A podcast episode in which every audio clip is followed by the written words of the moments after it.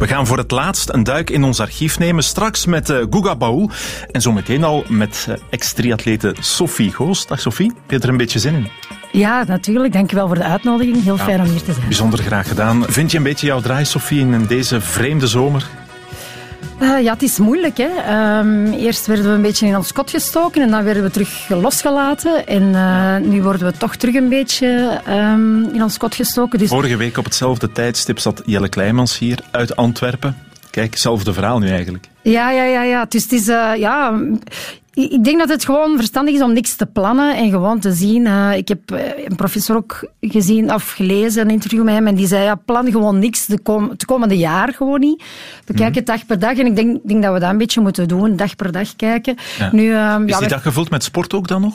Ja, toch wel. Uh, wij fietsen vaak in groep ook, maar ook dat hebben we dan sinds vorige week eigenlijk ja, teruggefloten en ja. doen we nu niet meer. Alleen, ja, we hebben in, onze in ons gezin fietsen wij met onze zonen. Dus dat is wel fijn dat we nog een beetje in groep kunnen fietsen binnen onze eigen bubbel. Dus we hebben een beetje een voordeel ten opzichte van andere mensen misschien. Ja. Um, maar wij organiseerden ook van alles voor beginnende fietsers om ze te leren in groep te rijden en, en allemaal tips en tricks te geven. Maar dat hebben we ook gestopt, uh, omdat ja, het is gewoon niet te verantwoorden nu. Ik denk dat we gewoon onze verantwoordelijkheid moeten nemen nu en uh, even ja. op ons standen bijten. Het is een ander leven voor ons allemaal, maar verder alles oké, okay, ook met Babette. Want je spreekt over zonen, maar je hebt ook een, een dochtertje nog. Ja, ja, ja. ja. Wij uh, hebben sinds uh, vorig jaar, ze is nu 14 maanden, ja. een, een klein dochtertje, heel actief ding. Ik denk dat dat niet te verwonderen is natuurlijk. Uh, als je bekijkt welke genen dat ze heeft. Ik ben ook nogal actief en mijn man ja, die overklast mij daar zelfs nog in. Dus um, ja, het is een, een heel actief ding, maar heel fijn. Ik had inderdaad vier kinderen van mijn man die ja. dat ik mee opvoedde. Maar ja, zo'n eigen babytje. Ik heb nooit een baby gehad. Die waren allemaal al groter toen ik ze kreeg. Dus nu is het voor het ja. eerst een babytje in huis. Dat is toch wel heel bijzonder. Net voor je beviel was er nog even wat te doen, omdat je nog de 10 miles hebt gelopen. Hè? Hoeveel ja. maanden was zwanger was je toen? Ik was toen acht maanden zwanger. Maar dat ging blijkbaar dan? Ja, ik ben toen ook... Ik ben tijdens mijn zwangerschap blijven sporten. Dus dat is wel een groot verschil, denk ik. Het is niet dat ik uh, geen sportachtergrond had en dat ik mijn lichaam niet kende. Mm. Dus ik ben gewoon blijven sporten. Dus ik denk dat dat wel verantwoord was. Ik heb daar heel veel commentaar op gekregen, heel veel slechte commentaar. Ik was bij voorbaat al een slechte moeder. Ja. Um, ja. Dus, uh, maar ja, ik denk als ik zie wat een gezond kind wij ter wereld hebben gebracht, dat dat, uh, ja, dat is helemaal ja. niet... Um, het hangt er gewoon vanaf wat je sportachtergrond hm. is en hoe goed dat je jezelf kent. Hè. Als je jezelf op je gemak voelt, trek je dan je schoenen uit? Want je zit hier intussen blootsvoets, dat zou dan een goed teken zijn. Inderdaad. Ja, oké. Okay. Sorry daarvoor. Nee, nee, nee, het moet allemaal kunnen en we ruiken helemaal niks. We gaan ons buigen over de snelle vragenronde nu. Dus helemaal achteroverleunend. Sophie Goos, klaar voor een vraag of tien. Je bent Antwerpse, hè? kunnen we zeggen. Ben je gisteren zo net voor negen uur juichend uit je zetel opgesprongen? Uh, nee, toch niet. Ik wist wel wat er gebeurde, maar ik ben toch niet opgesprongen. Ik heb het niet helemaal gevolgd. Uh... Voetbal interesseert jou minder of ja, je hebt sympathie voor een andere club? Um, dat laat ik in het midden. maar we waren nog met andere dingen bezig. We hebben een eigen zaak en we waren daar nog uh, okay.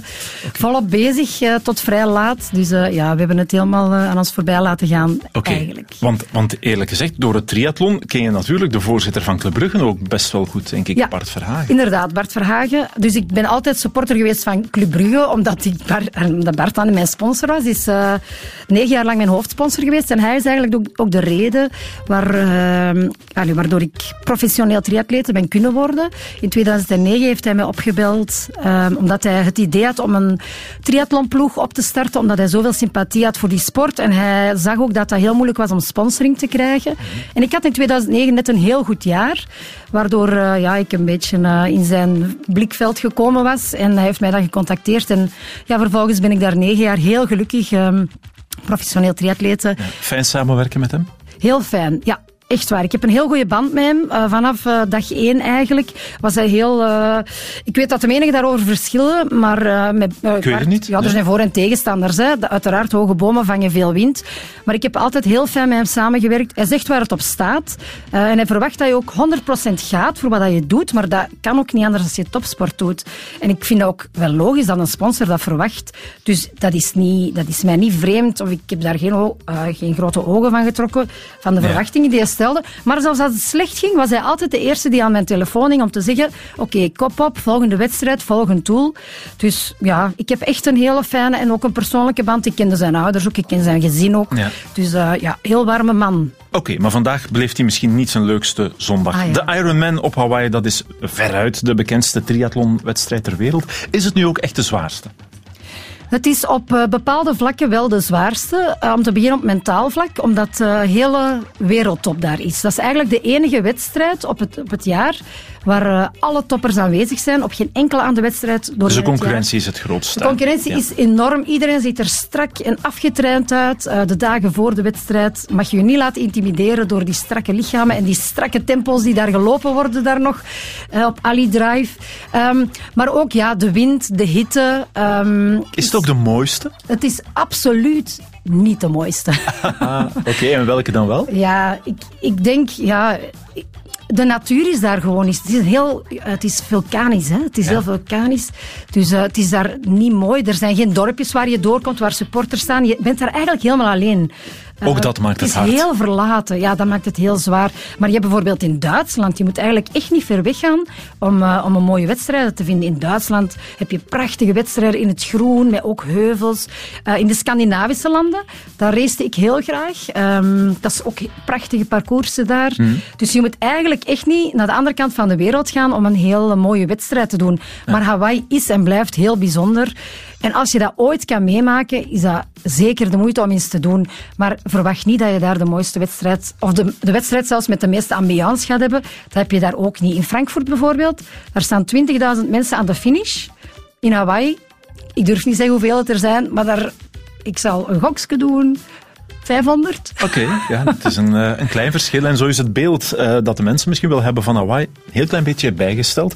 Wat roept de term Parkspoor Noord nog bij jou op? Nu, als ik die term nu laat vallen. Ja, ik weet waar je um, naartoe wil. Um, voor mij is dat nog altijd mijn achtertuin. Daar wil je niet naartoe, dat weet ik. Um, Noord, ja, dat is, uh, ja, dat is op 200 meter van mijn huis. En ik ben daar een aantal jaren geleden tijdens een looptraining neergestoken door een uh, geesteszieke man. En het is eigenlijk best wel grappig. Heel veel mensen op straat die zeggen, ah, ik ken u van ergens. En als ik dan zeg triathlon, nee, dan gaat er nog geen belletje rinkelen. Maar als ik zeg, ja, ik ben ook neergestoken aan het park. Ja! Ja, dat, dat is het dan. Hè. Het is niet door uitslagen, maar het is door een incident. Ja, ja, ja want ik ben eigenlijk nooit... Um, en uh, ik denk zelfs uh, triatleten die een Ironman wonnen, zijn nooit het eerste item in het nieuws geweest. En toen was ik dat plots wel. Mm -hmm. uh, toen ik neergestoken was. Misschien was het ook wel een beetje komkommer. Zeg nog eens welke verwondingen je had. Ik uh, was in de rug gestoken, dus één messteek. En daarna is de dader weggewandeld. Um, maar die steek was in mijn nier. Dus die nier die, uh, was door in twee geboord. Of, uh, die ging dan nog met een millimetertje aan elkaar. En die is dan ook wel vanzelf terug Um, mm -hmm. tot één geheel gegroeid. Dat is uh, het wonder van een nier. Die groeien dus terug aan elkaar soms, als je geluk ja. hebt. En ik heb dan geluk gehad dat dat inderdaad zo gebeurd is. Maar ik ben wel ja, een jaar ook buiten strijd geweest. Ja, maar je bent hersteld uiteindelijk. Hè? Na één jaar stond je, er, stond je er weer. Hoe staat het met de grote prijs Sophie Goos? Ja, die is een aantal jaar doorgegaan. Uh, Want wat is de grote prijs? Ja, een koers uh, voor uh, elite-rensters. Dus ik was heel blij dat, dat mijn naam eigenlijk verbonden werd aan een koers voor vrouwen. Um, ja, ik denk de laatste jaren worden de vrouwen toch wel meer en meer um, in de kijker gezet. En ik was dan ook heel blij om meter te zijn van deze koers, uh, die in, in het Antwerpse doorging ook. Um, maar nu uh, ja, is, uh, is mijn naam er niet meer aan verbonden. Um, het was wel een internationale koers ook geworden. En je hebt dus, wel een beetje een hart ook voor, ja, fietsen zit uiteraard ook in triathlon, maar je hebt ook wel een beetje hart voor ja. wielrennen, vrouwen wielrennen? Ja, ja absoluut. Ik denk dat we heel mooie... Bijvoorbeeld het veldrijden, dat is eigenlijk veel spannender geweest um, afgelopen winter dan bij de mannen. Dus ik denk dat dat ongelooflijk is om naar te kijken. We hebben echt ja. wel straffe madammen in, in het midden en ook op de weg. Um, en wij, ja, wij hebben ook een fietsenwinkel, dus er komen ook wel heel wat wielrenners en wielrensters bij ons over de vloer. Dus um, ja, we, we, liggen wel... Allez, we zijn ook wel nauw verbonden met het, met het wielrennen. Ja, ik ga niet vragen naar de wereldkampioen in het veld, maar weet je nog, we gaan niet ver terug in de tijd hoor. Slotvraagje, quizvraagje om dit af te ronden. Ah, in de quiz, ik ben heel voor... slecht in de quiz, ik ja, altijd de rode draad. bestaat maar, één, uh, bestaat maar uit één vraag. Wie werd vorig jaar na een solo van meer dan 100 kilometer wereldkampioen bij de vrouwen? Op de weg. Ja, het was in Yorkshire, Dat zal wel moeilijk zijn. Hè? Ja, ja. Eh, Ja, een van die kleppers die ze in Nederland hebben natuurlijk. Ja, Van Vleuten. Vleuten. Voilà. Van Vleuten. Heel erg juist. En nog net voor mij. Dus helemaal voor de goedgekeurd. Voilà. Sporten Retro. Sophie Goos, we beginnen met een sport die niet mocht ontbreken. Zeker hè, bij, bij al jouw keuzes. Triathlon met de overwinning van een Van Lierde op Hawaii. Maar dan hebben we eigenlijk nog keuze. Ja, dan hebben we nog twee keuzes. Hè. Luc of Frederik. Dus, Luc was ook knap natuurlijk. Eh, Luc was ook knap. 96 was het zeker? Ja, ik volgde het toen helemaal nog niet, dus dat is eigenlijk helemaal aan mij voorbij gegaan. Ehm, ik ken Luc ondertussen natuurlijk ook wel. Maar eh, ja, vooral eh, de overwinning op Hawaii van Frederik van Leerde in 2013 is toch wel een van die heel bijzondere sportmomenten voor mij in de geschiedenis. Ehm, en misschien heeft dat er ook wel mee te maken omdat ik erbij was op dat moment.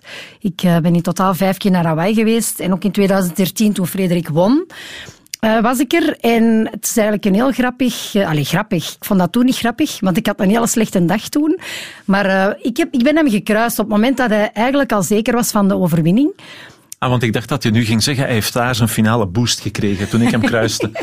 Het zou kunnen, misschien is, is dat nog eens versneld. Nee, ik denk het niet. Maar hij was echt aan het stralen en aan het glunderen en aan het genieten en aan het feesten al. Ik eh, heb hem gekruist op Palani Road. Palani Road is eigenlijk een heel ehm, gekende plaats in het loopparcours. Omdat je daar twee keer komt en dat is een ongelooflijk steile... eh, mag ik klote helling zeggen?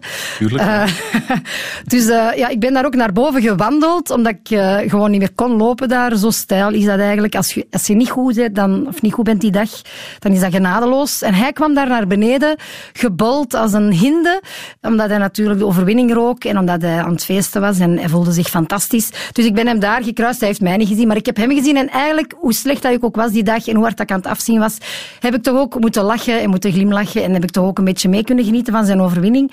Ook omdat ik Frederik ehm, ook persoonlijk ken.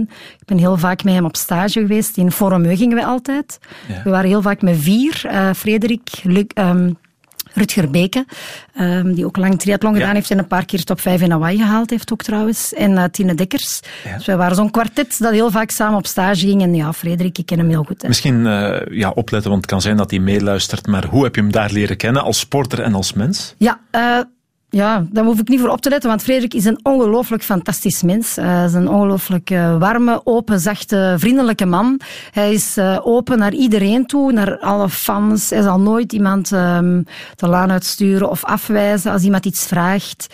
Ehm, hij is heel toegankelijk en dat is niet iedereen. eh, zeker niet als je dan eh, wereldkampioen geweest bent of geworden bent.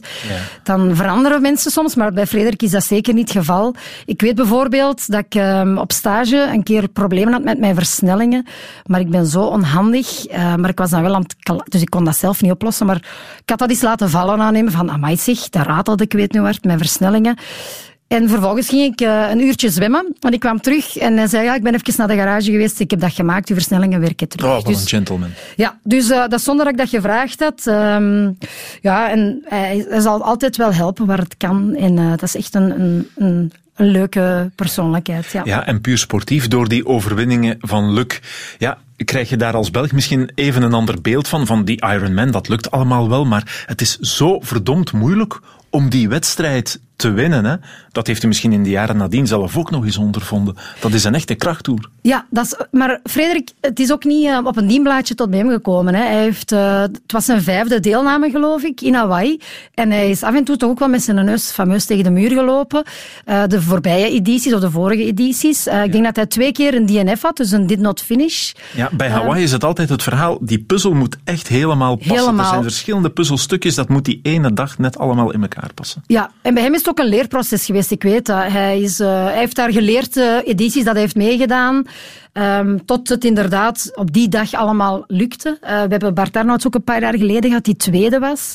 Die had misschien ook wel kunnen winnen. Die had ook een fantastische dag. Hij is een iets mindere zwemmer, maar had het dan wel opgehaald met het fietsen en het lopen.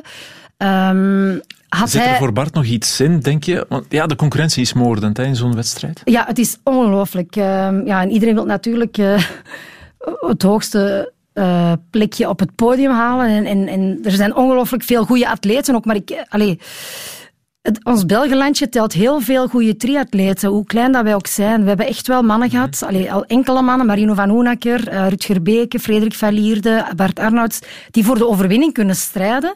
Wij vrouwen lopen daar een klein beetje achter op de mannen.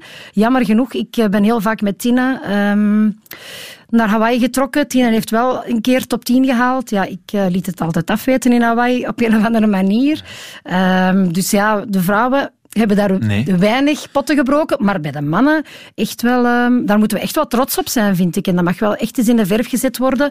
Hoe goed dat wij het doen als, als Belgenlandje. In, dat eh, is zo. En je hebt de ereplaatsen en de top 10 plaatsen. Maar dat verschil met winnen is dan toch nog gigantisch. Want Ironman winnaar dat blijf je voor het leven. Frederik van Lierde zal altijd de winnaar van de Ironman op Hawaii ja, blijven. van de Ironman. En dat is heel grappig, want heel veel mensen denken dat de Ironman dat die alleen in Hawaii is. Maar Ironman is... Niet zo. Dat is, dat is niet zo. Dat is eigenlijk een product, Ironman, die, uh, een organisatie. Die organiseren verschillende mhm. wedstrijden. Dus ik denk dat er ondertussen al veertigtal Ironmans plaatsvinden doorheen het jaar, overal in de wereld. En de finale daarvan is de Ironman in Hawaii. Maar dus dat is heel veel mensen zeggen, ah, de Ironman. Dat is niet alleen Hawaii, dat is eigenlijk een organisatie van heel veel wedstrijden. Maar de finale, die gebeurt wel in Hawaii. En daar, is, ja, daar moet je er staan. En um, voor mij persoonlijk was dat altijd een slechte timing. Want de Ironman in Hawaii, die gebeurt altijd, ik denk dat het vroeger zelfs was, het eerste weekend na de volle maan. Ja. Uh, maar dat is eigenlijk altijd zo begin oktober. En voor mij was dat geen goede periode. Ik was altijd heel goed in uh, mei, juni, juli. Dat waren mijn beste maanden. En dan was ik al zo'n beetje uitgeblust tegen dat Hawaii was. Dus ja, voor mij persoonlijk was die timing slecht en ik was altijd een beetje aan het vloeken waarom het WK is niet ergens anders werd gehouden of op een ander tijdstip in het jaar. Um, dat zou voor mij beter uitgekomen zijn, maar het is wat het is. Ja, het is wat het is. En ja. Frederik van Lierde die heeft er wel zijn voordeel mee gedaan. We gaan nog eens luisteren naar die fantastische prestatie. Zaterdag vindt de triathlon van het jaar plaats. Dat is de Ironman in Hawaii. En een West-Vlaming is er topfavoriet. Ja, dat is uh, Frederik van Lierde uit Menen. Hij werd vorig jaar derde op de Ironman in Hawaii. En heeft een fantastisch jaar achter de rug. En hij verschijnt zaterdag dan ook aan de start als topfavoriet. Ik voel er mij klaar voor, dat is zeker. Maar uh, die derde plaats van vorig jaar verandert natuurlijk veel. Uh, die derde plaats zet je ook in, uh, in Amerika en in de rest van de wereld op de kaart. En, en dat verandert hier natuurlijk veel in de belangstelling.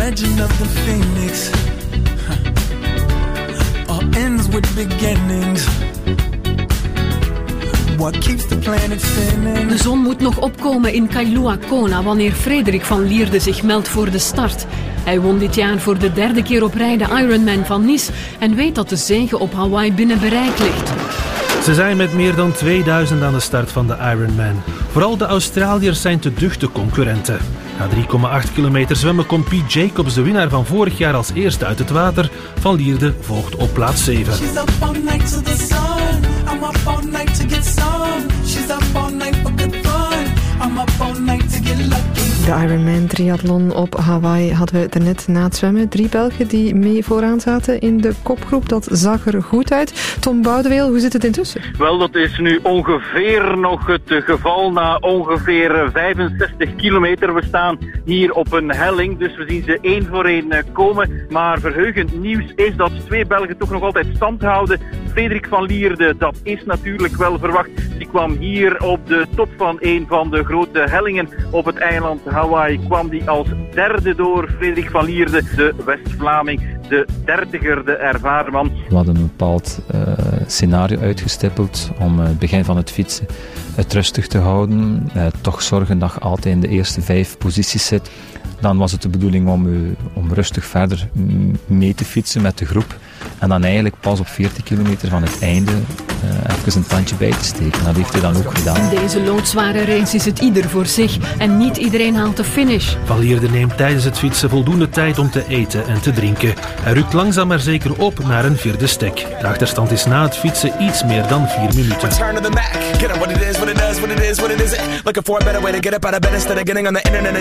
Uh, rustig beginnen in het lopen, dat heeft hij ook gedaan, want de eerste twee mensen die zijn echt heel snel vertrokken. Hij verloor wat tijd in het begin. En dan gewoon uh, zorgen, eh, eens dat de Energy Lab er komt, uh, het zwaarste stuk van de wedstrijd in principe, daar dan toeslaan. En dus het scenario is perfect voor Tijdens de afsluitende marathon begint Van Lierde aan een sterke inhaalrace. Hier gaat hij de Duitser Kienle voorbij en schuift hij op naar plaats 2. Goed bezig, Frederik. Van Lierde houdt een strak tempo aan en loopt het tweede deel van de marathon zelfs even snel als het eerste. Halfweg de marathon passeert hij ook de Australiër McKenzie en neemt hij zo de leiding. Die staat hier niet meer af. En na 8 uur en 12 minuten en 29 seconden wint Frederik van Lierde de Ironman. Can we go back? This is the moment. Tonight is the night. We'll fight till it's over. So we put our hands up like the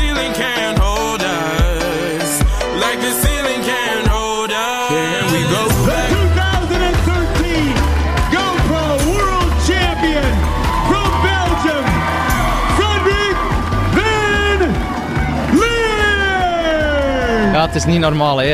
Poeh. het is 17 jaar dat ik triathlon doe. Eh, sinds 2008 dat ik op Ironman zit. En eh, het wereldkampioenschap Ironman winnen, kan, kan het zelf nog niet geloven. Dit is een overwinning van het kopje. Wel, een overwinning van het kopje. Het is zo dat mijn, mijn succesvolle wedstrijden zijn, zijn de wedstrijden waar je niet te onstuimig bent en, en je verstand erbij houdt. En, en vooral dan het tweede deel van de marathon, ja, probeer even snel te lopen dan het eerste deel. Ik wist wel dat er een aantal gingen zijn die, die zouden proberen aan te vallen. Ja, je moet daarom niet aanvallen om, om de dingen onder controle te hebben. Als ze, als ze niet te ver wegrijden en dat je weet dat dat gat nog toe te doen is op de marathon, dan, dan is dat ook voldoende. We?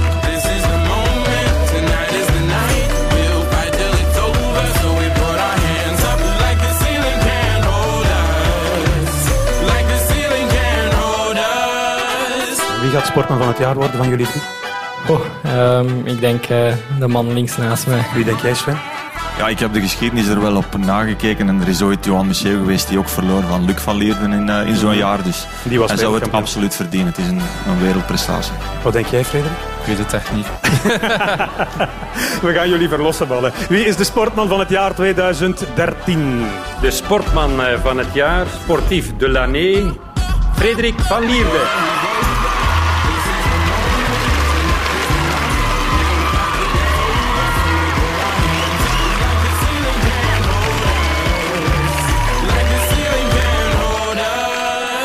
Ook daar was het dus bingo voor eh, Frederik van Lierde 2013 eh, was zijn jaar. Radio 1. Sportza Retro. Dan het tweede moment van eh, Sophie Goos, ex-triatlete. Daarvoor gaan we naar de winter van eh, 2014, februari 2000, pardon, 2014 meer bepaald. We zijn benieuwd. Ja, in, eh, in Hogerheide, het eh, WK veldrijden. Ehm, en het meest bijzondere daaraan is dat de Stibar eigenlijk eh, niet meer in het veld zat, maar meer op de weg fietste al... eh, Dat was toen al zo, hè? Ja. tweetal jaar of zo, nog niet zo heel lang uit het veld was. Maar dan plots kwam hij nog eens meedoen om het WK te proberen winnen. En daar was toen heel veel ehm, ja, commotie rond. Want sommige mensen vonden dan dat hij niet het recht had om in het veld terug te komen meestrijden voor de titel. Ehm, maar ik zag daar geen graten in. Ik dacht, de sterkste wint. Als dat dan Stibar zal zijn, zal het Stibar zijn. Ehm, dus ik keek er wel naar uit om hem terug in het veld te zien, want ik ben wel een uh, Stibar-fan. Ik hou van zijn manier van, eh, van koersen op het veld en, in de, en in de, op de weg. Ehm, dus ik kijk daar wel naar uit, naar, eh, naar die clash tussen eh, Van der Haar, was het Kevin Pauwels, wie deed er allemaal mee, Sven Nijs, eh, Stibar. Ehm, Ja, dus- Niels Albert ook, maar voor hem is het een beetje fout gelopen. Dat zullen we zo meteen al horen. Ja, ja. Niels Albert was er ook bij. En het bleek inderdaad een eh, fantastisch WK te worden dat jaar. Een heel spannend, ja, inderdaad. En ik weet, ik herinner mij nog, het is daarom dat ik dit fragment gekozen heb. Ik herinner mij dat wij naar televisie aan het kijken waren en dat ik een paar keer naar de badkamer ben gelopen omdat ik het niet meer aankon van de spanning. Ehm, het is daarom ook dat, dat me dat zo bijgebleven is. Ik kon het, kon het echt niet aanzien. Omdat het was inderdaad, een, een- na een vijftal ronden waren ze met twee weg, denk ik, Stibar en Nijs. En ehm, gingen ze eigenlijk, eh, wisselden ze elkaar af aan de kop. En eerst bleef de ene achter een paaltje hangen, dan bleef de andere achter een paaltje hangen. Ehm, dan viel Stibar weer, ging Nijs weer op kop. Dan, ja, dus dat was zo spannend en ze wisselden elkaar zo hard af. Dat ik dat wel een memorabel WK vond. En uiteindelijk eh, trok Stibar dan aan het langste eind.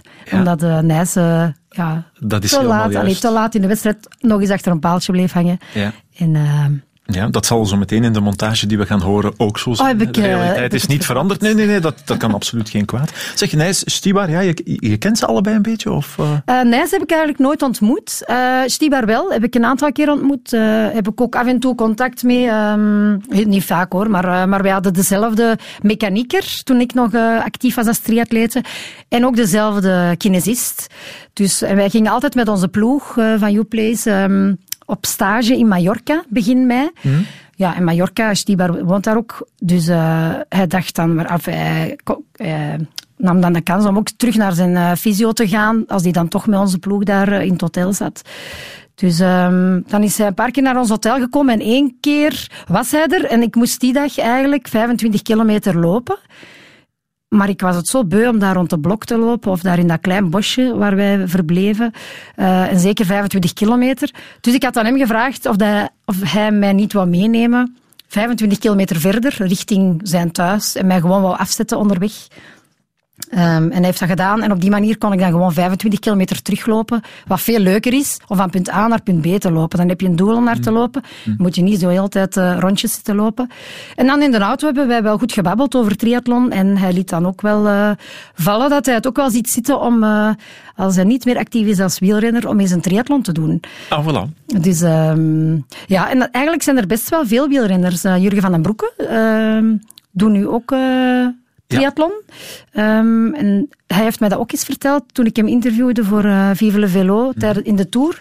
Dan zei hij dat ook van, als ik stop met wielrennen, dan ga ik triathlon doen. Ja, Dus dat is dan weer een nieuwe uitdaging voor ja, het lijkt dus inderdaad echt wel uh, allee, een link te zijn tussen wielrenners en triathlon. Er, er zijn ook echt wel Vinokourov bijvoorbeeld, die doet ook Ironman nu. Hè. Ja. Dus, maar ehm, laten we toch maar over Zdenek Stibar dan praten, stel ik, stel ik voor. Ja. Ehm, Hogerheide 2014, ik ga toch er nog iets over vragen voor we eh, gaan luisteren. Weet je nog wie er wereldkampioen werd bij de belofte toen? Ehm, Mathieu? We gaan het zo meteen horen. Het is eh, interessant als je het in het licht van de dag van vandaag ook eh, bekijkt. We gaan naar. Hogerheide 2014, ik zeg niks. Met eerst een iets te snel pratende presentator. Dat zullen, we de, dat zullen de zenuwen geweest zijn waarschijnlijk. Radio 1. Gert Geens en Tom van den Bulke. Sportza. Live van op het WK Veldrijden in Hogerheide. Een heel goede middag en welkom in Hogerheide, waar we vandaag zelfs letterlijk onze tenten hebben opgeslagen. Want Hogerheide is vanmiddag gewoon het centrum van de wereld voor de cyclocross-fans dan toch. Want we zoeken hier uiteraard een opvolger voor Sven Nys als wereldkampioen. En Hogerheide, dat ligt maar net over eh, de Belgische grens, Belgisch-Nederlandse grens. En dat is er eigenlijk wel aan te zien, hè, Tom. Absoluut, want ik zie hier heel veel rood, geel en zwart. En ja, meneer, wie wordt wereldkampioen? Uh, Sven Nys. Wat denk jij? Uh, Niets Albert. Het is vooral de start die het vandaag eh, nogmaals eh, naar de kloten gedaan heeft, laten we het zo zeggen. En ehm, dat is wel best jammer. Voilà, Sven Nys, Niels Albert en zo lopen er nog wel een paar duizend rond met hetzelfde idee, denk ik, Gert. De sfeer zit goed en als er straks inderdaad een Belg in de regenboogtrui staat, dan kan het dak er helemaal af, denk ik. Welkom in Hogerheide. Sportza. Live van op het WK Veldrijden. Het is al lekker begonnen vandaag hè, bij de belofte. Wat een demonstratie van Wout van Aert. Ja, ongelooflijk. Hè? Dus, uh, het was maar één man die dat dus echt recht had op die, op die wereldtitel. En dat is Wout van Aert. Zoals hij in die eerste ronde er vandoor ging, heeft dat helemaal in zijn eentje gedaan. Nooit gezien. Weer zo'n uh, snelle tussensprint van Stibar over al die hoofden van supporters heen. Stibar die iedere keer weer tempo maakt in het zicht van een... Uh, modderstrook en daar toch wel op de macht, puur op de power doorheen glipt. Ja, oké, okay, nu ik ga gewoon de koers uh, zwaar maken. Ik was, dat was voor mij echt um, grote inspanning. Maar uh, ja, oké, okay. ik dacht, ik heb niks te verliezen, ik ga gewoon voor. En oké, okay, dat gaat me veel kracht kosten. Maar dan ik dacht, ja, en wat? Zo, ja. Nee, ze heeft een lengte of twee op Stibar genomen. Drie lengte. Stibar wil nog altijd handjes op het stuur. Van der Haar lijkt te plafonneren. Nee, ze is sterk. Nee, ze is ijzersterk. Maar Stibar is dat ook. Zeker weten. Daar is hij nog niet vanaf. Stenik Stibar. Maar uh, hij is wel heel, heel sterk. Serieuze papieren vandaag. Het is een zinderend WK. Stibar. De voorlaatste ronde met de grote twee vooraan. Oh, en een slipper van Stibar. Stibar glijdt onderuit en een bok naar rechts. En kan nu weer snel op de fiets wippen. En Nijs die moet dan ook eventjes halt houden en probeert hem te omzeilen, maar heeft van de fiets gemoeten. Michel Wuits. Wie wordt wereldkampioen? Stibar komt weer aansluiten. Karel intussen weer in de materiaalpost. Met Paul van den Bospol. Dit leek op een kloof die misschien onoverbrugbaar werd voor Stibar, maar het is niet waar. Hè? Nee, het is niet waar. Stibar rijdt zeer sterk. Dat is de tweede keer dat Sven, laat zeggen, een voorsprong van 20, 30 meter neemt. Maar Stibar komt terug. Dus het uh, is geen eenvoudig verhaal. Maar kan ik je vertellen.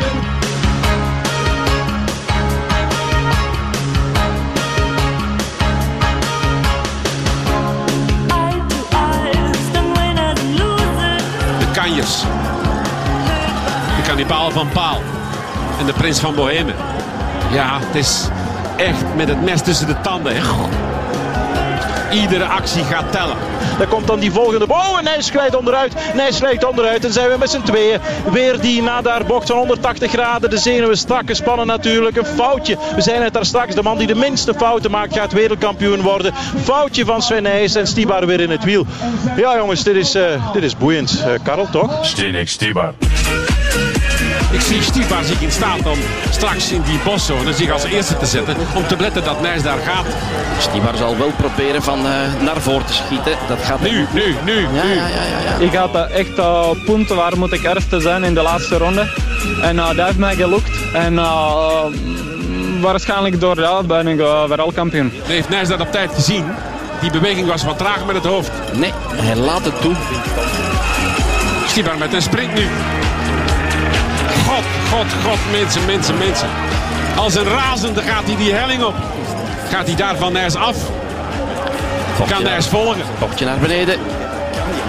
Meter of tien. Nou in de hier begint het echte crosswerk. Nijs die wat uh, mispeutert. Ja, slecht Nijs die daar van de fiets moet. En dat lijkt me de beslissing. De zilveren medaille inderdaad, Sven. Hoe smaakt het?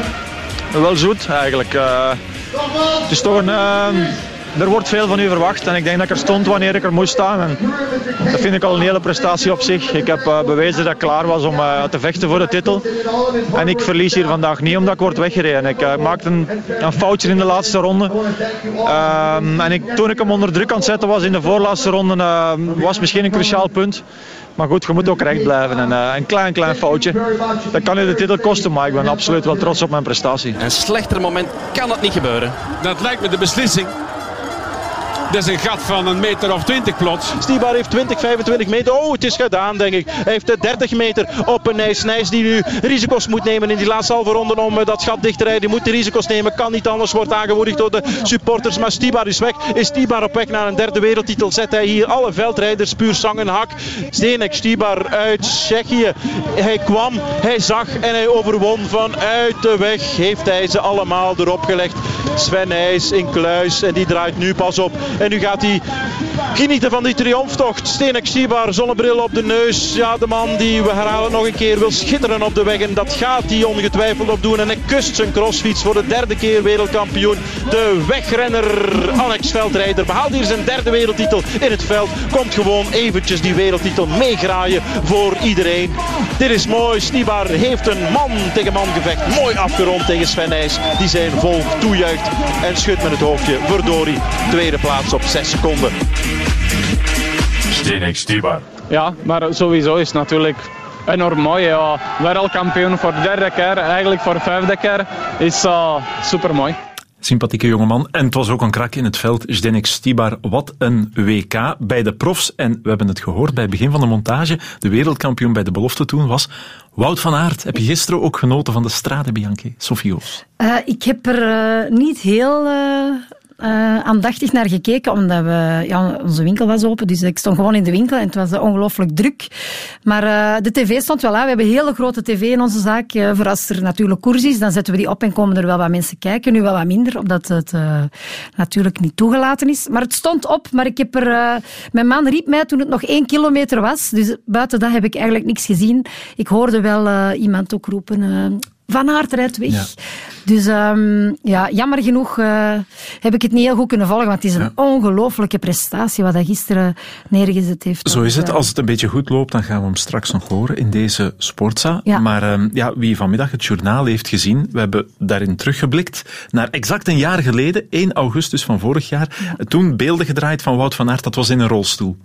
Het is een beetje een parallel misschien met het parcours dat jij hebt afgelegd na die messteek. Hij staat Eh, er weer. Ja, inderdaad. Bij mij was het ook exact een jaar later eh, eigenlijk. Ik, eh, ik ben neergestoken in mei en eh, het jaar daarop in juni heb ik terug een volledige Iron- Ironman gewonnen. Ehm, dus ook een jaar later. Dat is wel een heel lang jaar van revalideren geweest, maar bij Wout ook ongetwijfeld. We hebben inderdaad dat allemaal een beetje kunnen volgen via de media. Er waren ook heel veel ehm, mensen die zeiden dat hij niet meer zou terugkomen. Ehm, of eh, als hij zou terugkomen, dan toch zeker niet zo sterk dan, hij, of dan voorheen.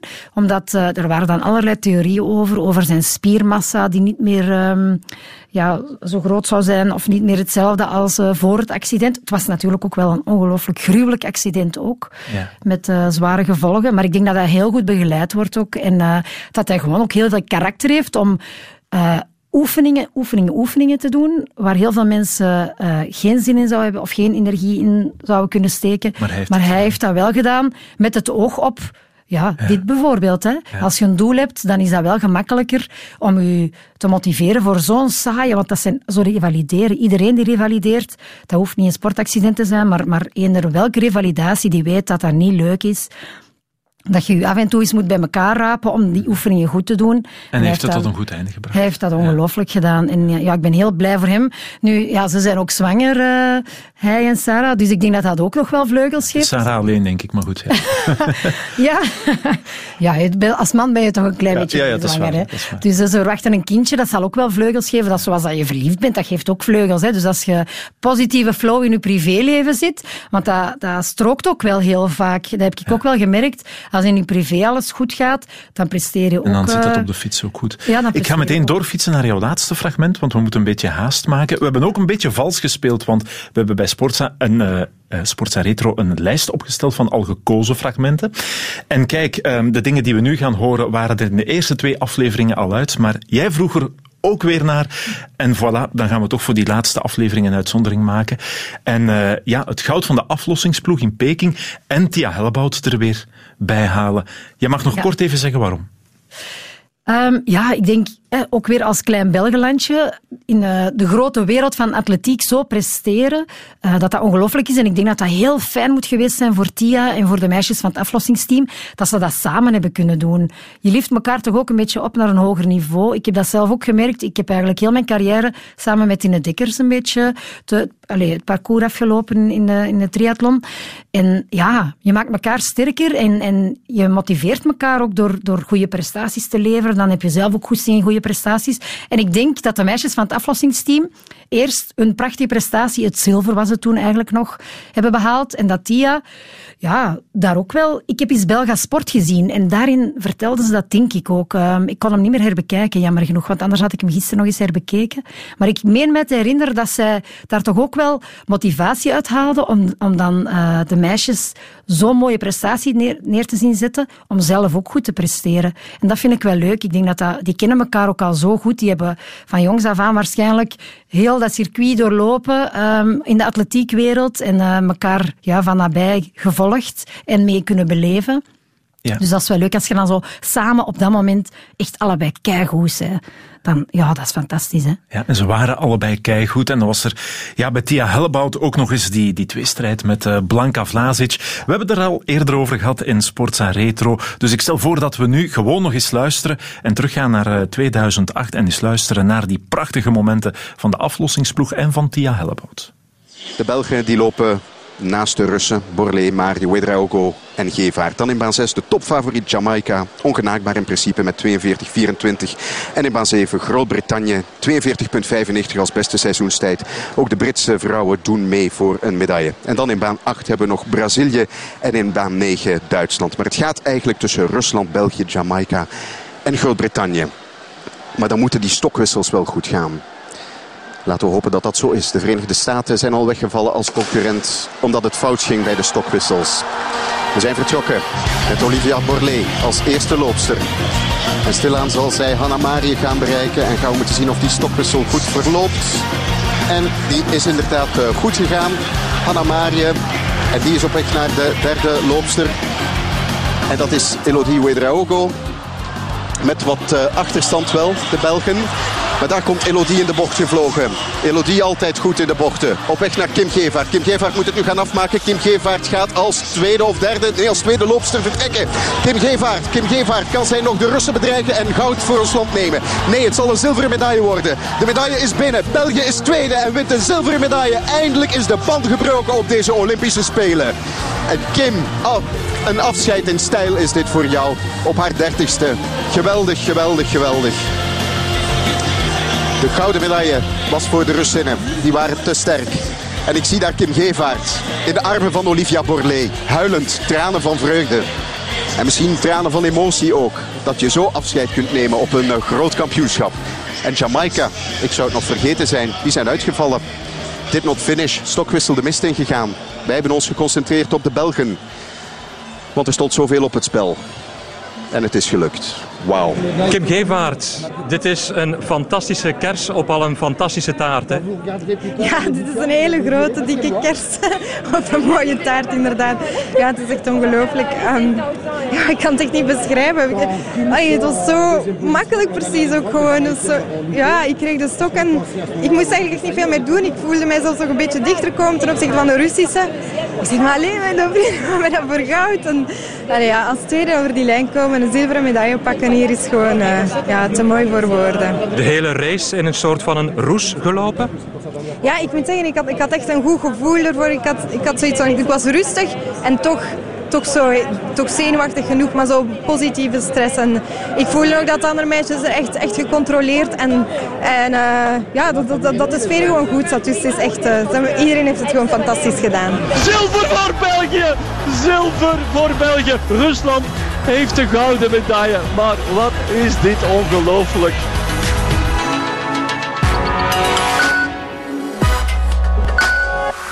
Acht uur, goedemorgen, het nieuws met Peggy de Meijer. Het Internationaal Olympisch Comité maakte bekend dat de Russische estafetteploeg op de 4x100 meter haar gouden medaille van Peking moet afstaan aan België. David Naert. Acht jaar na datum is de Belgische vrouwenploeg dus toch nog Olympisch kampioen op de 4x100 meter. Gisteravond laat bevestigde het Internationaal Olympisch Comité dat bij het hertesten van urinestalen van de Spelen in Peking de Russin Julia Tchermoshanskaya is betrapt op het gebruik van stanozolol.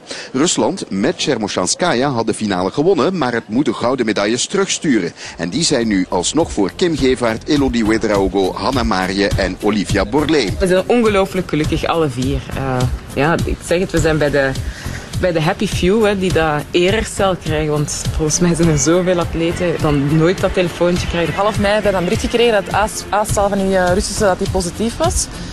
En dan sinds toen tot nu heb ik elke dag ja, van mensen te horen gekregen. En heb je goud al, heb je goud al? En ik dacht echt van ja, dat gaat nog eens acht jaar duren. Eer dat we die medaille effectief eh, gaan krijgen. Maar vandaag hebben we dan toch officieel bericht gekregen eh, dat het een kan en een kruiken is. Soms vind ik dat helemaal niet erg. En dan denk ik, och ja, dat is al acht jaar geleden en life goes on. Maar dan andere momenten denk ik toch van ja, we hebben wel heel veel gemist. Eh, ik denk gewoon al de goede wedstrijden, prijzen, geld. Ja, dat is allemaal weg. Hè. Die zilveren medaille is eigenlijk een beetje een deel van mij. En als ik die nu moet gaan afgeven, is dat, zo, is dat vreemd. En ik zou ook, geen, ik zou ook niet de, de medaille willen krijgen van de, allez, van de, van de Russen. Een beetje een besmeurde eh, medaille, dus ik zou toch wel graag een, een, een verse hebben. Jullie mogen ervan uitgaan dat, eh, dat ik mijn best zal doen. En eh, als jullie vertrouwen hebben in mij, zal ik vertrouwen hebben in jullie. Chris, we moeten weer naar het hoog springen. Uiteraard. Want eh Slezarenko heeft haar tweede poging gefaald. En Hellebout staat dus alweer klaar op 2 meter en 3 centimeter. Ja! Yes, yes, yes! Woehoe! Oh, fantastisch. 2 meter 3. Slezarenko moet nu springen en als ze faalt hebben we een bronzen medaille zeker. En er kan nog altijd meer. Vierde sprong die België een bronzen medaille kan opleveren. Ja, we hebben brons. We hebben zeker weer een tweede medaille. Geweldig. Ho, ho.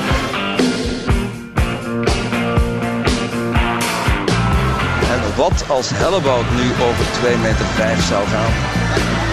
Zij komt er zo dadelijk aan.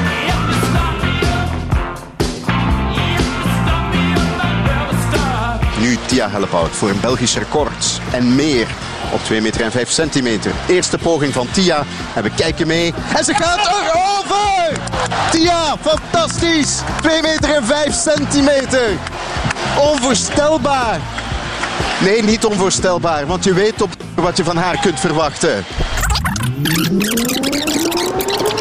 Tia Hellebout. We gaan kijken naar Tia Hellebout. Die staat klaar voor haar eerste sprong op 2 meter 5. Een sprong die goud kan opleveren als er over is. Oh, geweldig! Dit is goud! Ongelooflijk! Oh, niet te doen. Ja, sorry als we even eh, schreeuwen in onze microfoon, maar dit is niet te geloven. Tia Hellewoud over 2 meter 5. Het is niet te geloven. Fantastisch. Geweldig. En nu wordt de druk groot bij de anderen. Bij Blanka Vlasic, de gedoodverfde favoriete. En bij Anna Cicerova.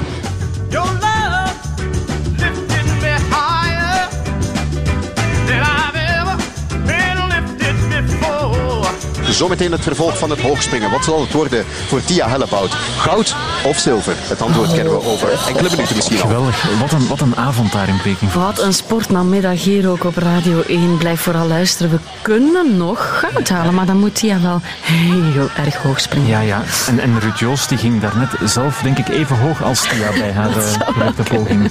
Ik kan nog veel hoger, wacht maar.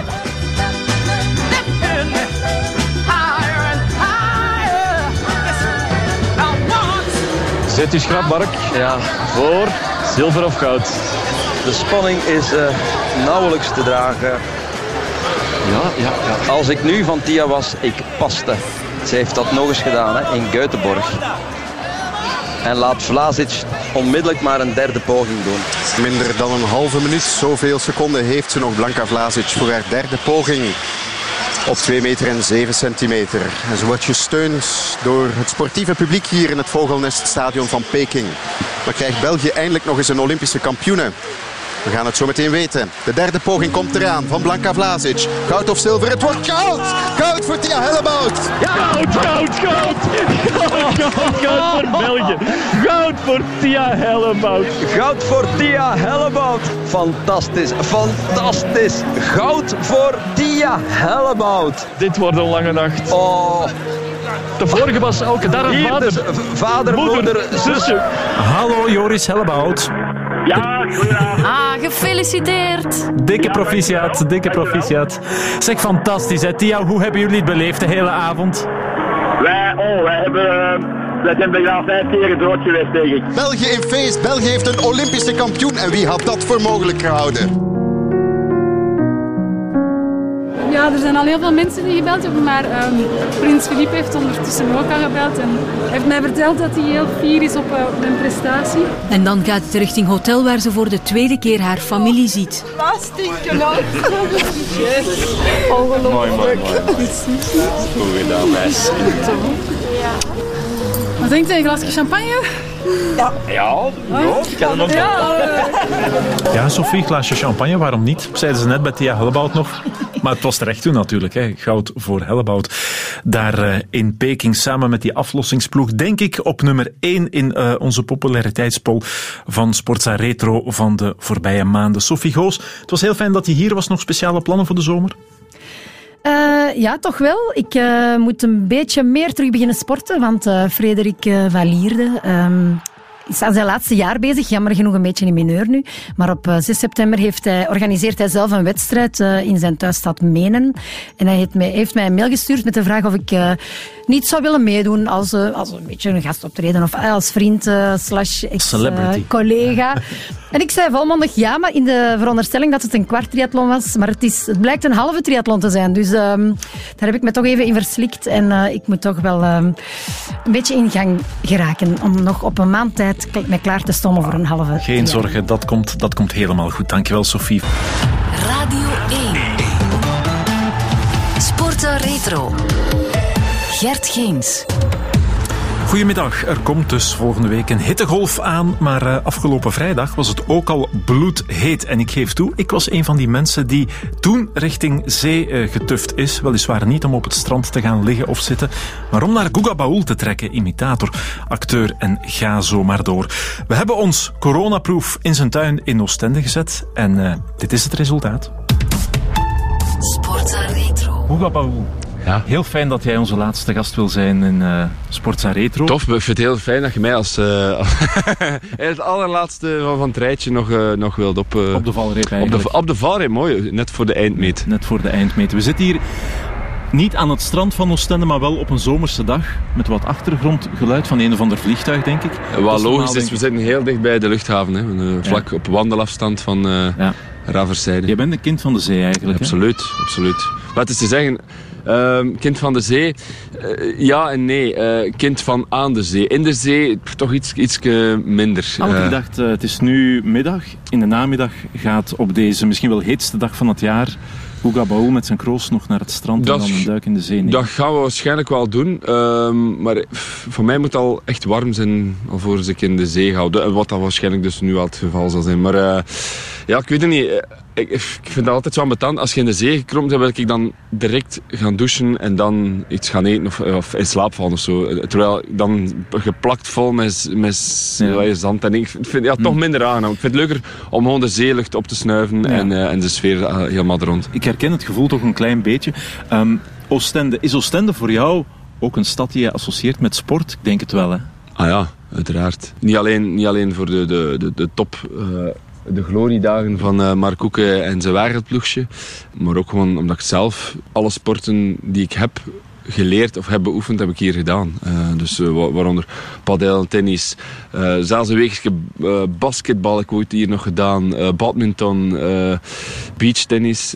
ja, ik denk dat ik het allemaal gedaan heb. Golfen heb ik hier zelfs al gedaan. Ja, en nu padel regelmatig, ja, ik, hè? Ja, ja, ja, ja. Eigenlijk al van, van, van het prille begin, toen dat, dat echt opkwam en de mensen zoiets echt zo hadden van, van padel, wat, is, wat is padel?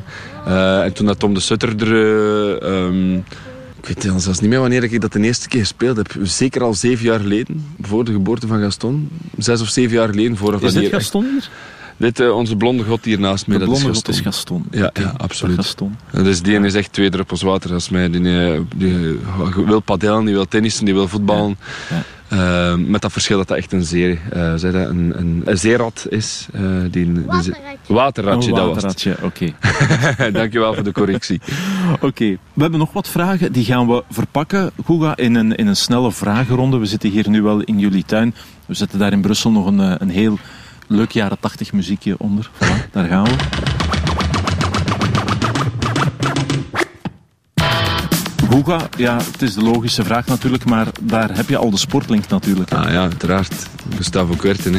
Ik heb er nog wel een aantal reliquieën van of zo. Of ik ben er eigenlijk nog altijd naar op zoek, naar zijn... zijn uh, zijn overwinningsplunje van in 1997, toen had hem uh, onder andere in de halve finale onze landgenoot uh, Philippe de Wulf heeft geklopt. Waar ik dan aanvankelijk heel kwaad om was. Maar dan wel heel blij was toen dat hem de finale gewonnen. Het is altijd goed als je verliest van de, van de winnaar uiteindelijk.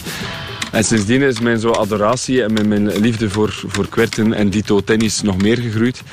Um, maar dat truitje is dus onvindbaar. Het is zelfs zo dat ik al uh, geschreven heb naar Guga zelf. Uh, om, om ja, op een of andere manier toch nog dat truitje te kunnen bemachtigen. Maar het is, ja, het is gewoon... Heeft hij geantwoord eigenlijk? Heeft niet geantwoord, nee. Ah, dat is jammer. Dus ja, ja. misschien dat hij het gewoon... Overweeg je naamsverandering nee. bij jezelf? Nee, nee, nee, nee, nee, nee, nee, nee. Die kan heel weinig misdoen. Ik heb die ontmoet. Wat, wat trok je zo aan in hem? Goh, wat trok mij zo aan? Um, ja, allee, daarvoor had je, had je al uh, Andre Agassi natuurlijk. Um, voor zijn flamboyante stijl en zijn klederdracht en zo. Maar toen was het precies ja, een, een nieuwe jonge god die opstond. Ik denk dat hij ook 20 of 21 was zeker, als ik me niet vergis. Ja, dat is gewoon cool. Dat, is, dat behoort nog altijd tot een van de meest iconische truitjes uit de tennisgeschiedenis. En, en, en, en gewoon omdat hij altijd met een lach, allee, op het terrein nu niet misschien, die had wel zoiets, die had iets lichtjes arrogants, maar, maar nadien was dat, uh, ja, Il Flegma uh, himself. Dus. Ja. Drie keer heeft hij Roland Garros gewonnen. Je bent zelf een tennisman. Hè. We hebben ook nooit rondgekeken naar filmpjes en zo. Als er iets um, rond tennis moet gedaan worden, tennissen met Kim Kleisters. Of, ik heb ook iets gevonden met Niels de Stadsbaat. Dus weet je jou wel te vinden. Ja, ja, absoluut, absoluut. Ja, ik vind dat ook tof. Ik vind dat heel tof. Je kon ook goed kreunen in dat uh, wedstrijdje tegen Kleisters. heb ik gemerkt. Nee! Nee. Ja, uh, Isaac, dat weet ik al niet meer. Dat is ook al ja, zo lang geleden. geleden. Ja, dat is voor de promotie van Tennis Vlaanderen, denk ik. Toen, maar je ja. kan het wel, hè? Je kan het wel. Um, ja, ik mag dat wel zeggen. Ja, ik kan wel tennissen. Um, maar ik probeer me wel allee, zo jaar na jaar nog te verbeteren in elke, in elke slag of zo. Dus, dus uh, vroeger was ik zo de, de hardhitter en was ik zo meer de, ja, de service van Ivan Isevic nabootsen en, de Roddick en zo. En dat was echt zo proberen aan 200 per uur een service te slaan. Terwijl dat ik nu meer de Federer uh, techniek probeer toe te passen en alle ballen in de hoekjes met juist effect en proberen uh, te slaan wat je ze wilt slaan. Dus ja, toevallig waarschijnlijk, daar komen we straks dan nog bij uit. Hè? Bij, uh, nee, ja, ja, heel toevallig, Roger ja, Federer. Ja, ja. Heb je John McEnroe wel eens proberen te imiteren? Um, Echt imiteren qua gedrag? Qua gedrag? Nee. Uh, ja, pas op. Imiteren. Ik moest er eigenlijk niet veel moeite voor doen. Uh, als kind uh, weet ik nog dat mijn moeder nogal kwaad langs de kant stond. Omdat ik nogal zei dat, opvliegend op het terrein stond. En nogal, ja... Ik weet niet, tennis is zo de eerste sport, of de enigste sport denk ik, waar dat echt uw oerkracht en oermens naar boven komt. Of zo. Je, dus je verliest, je verliest alle... alle... het uh, stuk geslagen. Toch misschien wel Ah, het scheelt niet veel, het scheelt niet Ja. veel. Maar zo, niet kapot geslagen, maar zo uit mijn handen laten glippen. Allee, zo kan het laten glippen, maar zo wegsmijten tegen, de, tegen, de hek, tegen uh, het hekken. Maar, maar één keer gedaan. En dan wel beseft van, oeh, maar dat is hier, zit hier wel met meer dan 100 euro. Enfin, toen was dat nog in Belgische frank. En C13, ik heb precies ook weer naar Federer verwijzend de klik gemaakt. Want als kind was dat blijkbaar ook een, een pain in the ass op het uh, tennisveld. En dan de klik kunnen maken van, nee, niet meer doen. Focus, me mentaal sterker worden en, uh, Ja, ja. en daarin groeien eigenlijk. Want dat is, ik denk, vanaf dat je kunt tennissen, dat het grootste werkpunt mentaal is. Uh, als mensen jou zien, Guga, ja, dan is het waarschijnlijk de hele tijd van zeg, kan je die of die eens nadoen? Welke sportfiguur wordt het vaakst gevraagd aan jou? Uh, het vaakste voor ja, Tom Bonen, denk ik. Um, maar dat is nu alweer een tijdje en Nu dat hij gestopt is, is dat al minder. Ja. Maar vroeger was dat Johan Museeuw en Tom Bonen. En, en... Uh, jongens, ik ga nu weg. Ik ga naar daar en terug de bus in. Hoe zie je? Hoe zie je? Ik ga hier en ik ga hoger en hoger en ben weg. Um, op een gegeven moment ook Lance Armstrong. Uh, et once that uh, parlait un peu français avec uh, l'accent américain. Um, ja, je hebt daar nog een fameuze stoot uitgehaald tijdens jouw bezoek aan Vive le Velo. Ja, dat was geestig. Uh, we hebben daar nog een klankfragmentje van. Bonjour um, à tous, um, ici Lance Armstrong. J'ai uh, gagné le tour uh, en deux pages et uh, je voudrais m'excuser, um, je suis vraiment désolé. ja, dat was eigenlijk machtig. Ik weet niet meer hoe dat erbij gekomen zijn, maar ja, in, in een brainstorm of zoiets van ja, wat kunnen we nog doen? Want ik denk dat dat mijn, mijn tweede passage was in, in Vive le Velo. Van, wat kunnen we doen? Ah ja, we kunnen anders doen dat Lance Armstrong terugkomt om zich te excuseren voor al zijn tour, uh, allez, zijn, zijn niet verdiende tour uh, over, uh, overwinningen. en toen zaten we in een geblindeerde auto met, met, uh, met megafoon op de, op de auto. En, ja, en deed ik toen, ik weet al niet meer wat ik juist zei, maar ja, de mensen geloofden echt en waren echt met, met uh, hun middelvinger aan het opsteken aan de kant van de weg en kwaad op die auto beginnen kloppen en, en zo, well, Lance Armstrong, il est dedans, il est dedans. Non, non, non, non, c'est pour, pour sport ça. Ah oui, oui, parce que autrement... Uh, ja, die waren echt heel, heel kwaad. Maar eigenlijk was dat wel spannend. Want ik waande mij op dat moment echt Lance ja. Armstrong. Want de reactie was echt persona non grata. Hè. Ja. En terecht. Nog twee dingen. Ben je van plan om volgend seizoen vaak naar KVO Stende te gaan kijken? Ja, ik plan dat elk jaar eigenlijk. Om dat allee, zo vaak als mogelijk... Um... Maar echt dolfijn was het wel niet vorig uh, seizoen? Nee, nee, nee, ik ben heel blij dat we ze ons gered hebben. Uh, ja. ja, het, hing aan een zijden draadje, maar het hangt al drie jaar aan een zijden draadje. Uh, ja, ja, ik zeg uh, vaak al, al, al, al, lachende tegen, tegen Mark Koeken van ja, ga nooit meer vertrekken. Je kunt eigenlijk altijd meer komen. Ik weet niet, ik weet niet of dat de, de KVO-supporter dat in dank zou afnemen, maar eigenlijk had dat eigenlijk wel gekund. Wat mij betreft had dat gekund van kijk, bon, Anderlecht, ja. het is niet echt gelukt. Weet je, een keer terug naar mijn wereldploegje en Van jou mag hij terugkomen eigenlijk? Van mij mocht hij terugkomen, ja. Omdat, bedoel, ik ben heel dankbaar voor wat dat we met hem bereikt hebben. Ik kon niet- net niet aanwezig zijn in, eh, in Marseille, maar het had niet veel gescheeld. Voor die Europese wedstrijd, dat was zo fantastisch. En de bekerfinale dat hier en... en en allee, vierde eindigen of zo, was het vierde vijfde, ik weet dat niet meer. Ja, vierde denk ik, eh, in, in play-off 1, dat is ja, ongeëvenaard. En dat, is, dat is wel dankzij Mark Koeken natuurlijk. Is er een sportfiguur waar je toch altijd geweldig veel lol aan beleeft als je hem brengt? Ja, nee, je zijn Balthazar Boma is niet echt een sportfiguur. Ja, maar, wel leuk natuurlijk. Hè? Ja, Boma is altijd geestig. Die, die komt altijd te pas en te onpas. eh, sowieso in gesprekken met onze stadsbader, dat kan bijna niet anders. Wij kunnen geen vijf minuten babbelen met elkaar zonder dat er een quote van de kampioenen tussen komt. Dat gaat niet. Onmogelijk, we hebben al geprobeerd. We zijn afgeleid en bam, het is weer vandaag. Dus ehm, als dat sportfiguur is, dan, dan pak ik dan de voorzitter van FC de kampioenen. Voilà. Bijgedacht. Kom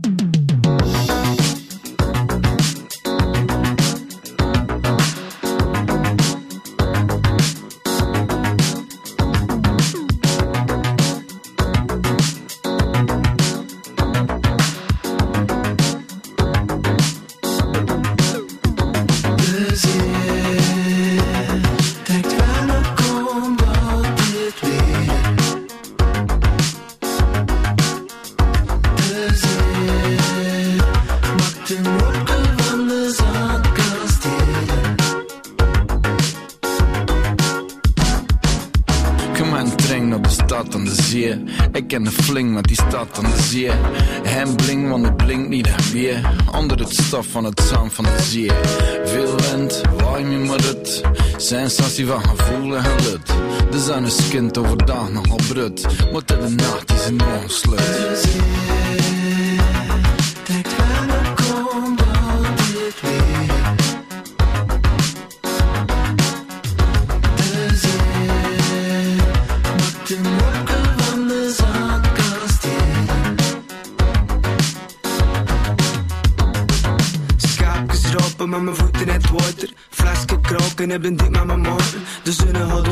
Maar we gaan nog niet gaan slapen. We zitten op het strand, met de gitaar en dan en het zand. Op de ma, ja, het redelijk aan de tand. We trekken me niet aan, en blijven zitten op de mat.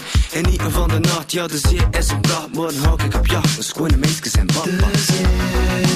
De zee. We gaan terug naar het zeetje, naar de tuin van Guga Baul voor zijn eerste moment. Radio 1. Sportza Retro. Guga, ehm, ja, de Franse slag in jou, zal ik maar zeggen, komt hier al meteen naar boven, denk ik.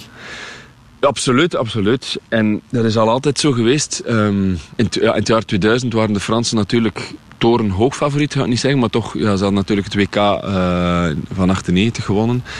En, en bij mij is het altijd 50-50. Want ja, mijn pa is, is Fransman en mijn ma is, is, eh, is Vlaamse. Dus eh, ja, mijn voorliefde voor Frankrijk ja, mensen zeggen toch maar je supportert dan toch voor de Belgen. Ja, akkoord. Maar ja, nee, bij mij is dat ook wel Ja, eh, bijvoorbeeld Frans twee jaar bloed. geleden, halve finale eh, Ja. op het WK Frankrijk-België.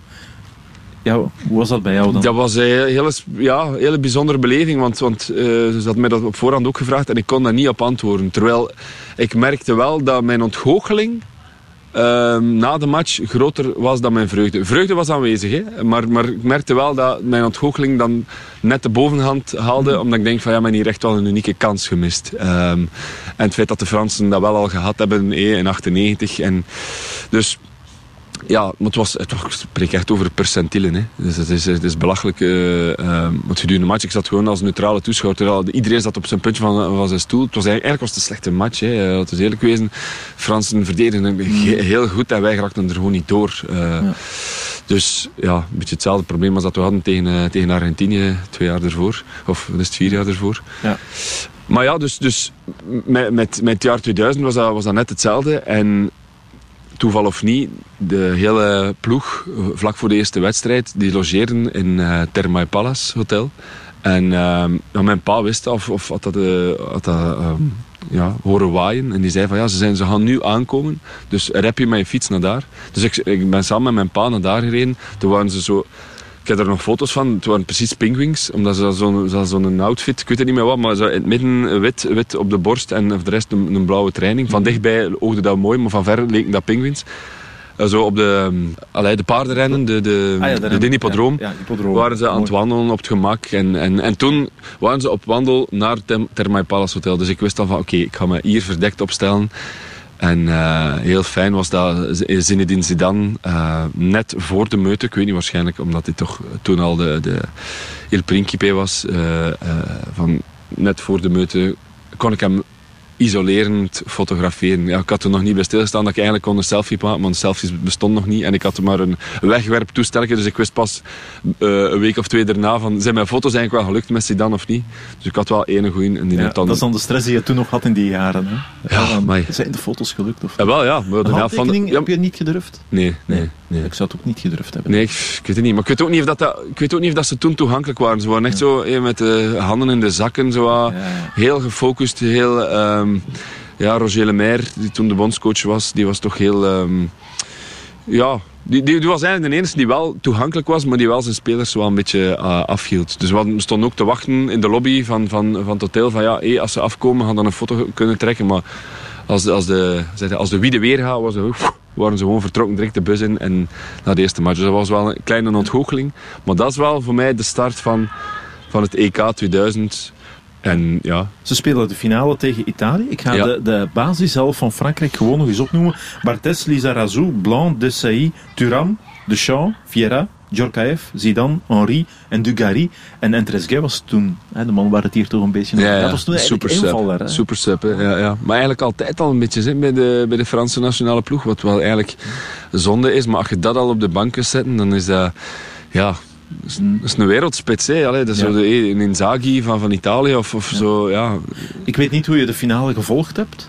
Maar ehm, ja, het zag er lang naar uit dat het Italië zou worden. Ah ja, absoluut. absoluut. Mijn, mijn, pa, eh, mijn pa, zoals hij altijd eh, met de gevleugelde woorden zegt, wel, on est cuit, on est cuit, on est cuit. We zijn, we zijn, allee, we zijn, we zijn. Allee, Het is, het, is, het is gedaan, het is gedaan. En toen kwam ja, Wiltor nog met een van de slalom dingen of, of zo. In, in, in de draai geloof ik, als ik me goed herinner. Ja, ik weet eigenlijk niet meer hoe de... Dat hij toch nog in extremis in de toevoegde Het was tijd... in de 94ste minuut, Ja. eh, Guga. Ja, ja, ah, wel. 94e minuut. In, in, in het hoekje, rechts in het hoekje, denk ik. Echt zo, echt, maar s- scherper kunnen hem niet trouwen. Terwijl dat ik zoiets van, oh nee, Wiltar, oh nee, breng, allee, Ja. breng toch Wiltar er niet in. Ik vond dat, vond dat echt geen goede voetballer, maar toch, allee, moet er even uw mening herzien. En dat, dat met de man der liefde denk van, oké, bon, je hebt- toch, je hebt toch iets goed gedaan. Ja. En dan op dat EK bestond er nog zoiets als een golden goal. Ja, de enige keer. Hè. De enige keer. Had ik daarna nog een keer een silver goal. Ehm, dat was de eerste keer, de Dus- golden goal. Ja. De ploeg die eerst scoort in de verlengingen was meteen de winnaar. Allee, in Dat is ook 98 was dat ook, hij herinner mij ook nog dat, dat eh, Laurent Blanc toen gescoord had tegen Paraguay. En was het ook de winning goal, vermoed ik. Of, maar ik ben er niet meer, zou helemaal kunnen. zeker. Eh, Maar goed, jij en Trezeguet, hoe zat dat dan? Je was eh 14 jaar? 14, ja, ja, ja. Je hebt de match gezien, neem ik aan. Ja, een match gezien, maar mijn pa is, is ook zo een die, die die match honderd keer opnieuw zou bekijken en volgens mij ook gedaan heeft. Eh, zowel de finale van 98, waarbij dat je toch al de uitslag weet, toch nog een keer die 3-0 en, en die match ook. Dus die, volgens mij ervaart hij die, die finale nog altijd van potverdikke jongen, die Del Vecchio scoort hier. Ja, maar pa, je weet toch, allee, op het einde gaan we winnen. Ja, nee, nee, dan toch nog die eh, soort rigueur voelen van "Ah, die Italiaanders. Want we hebben het altijd moeilijk. Allee, we, Ja. zeg ik altijd we. Maar ehm, die, Ja. de Fransen hebben het altijd moeilijk tegen de Italiaan. Ja.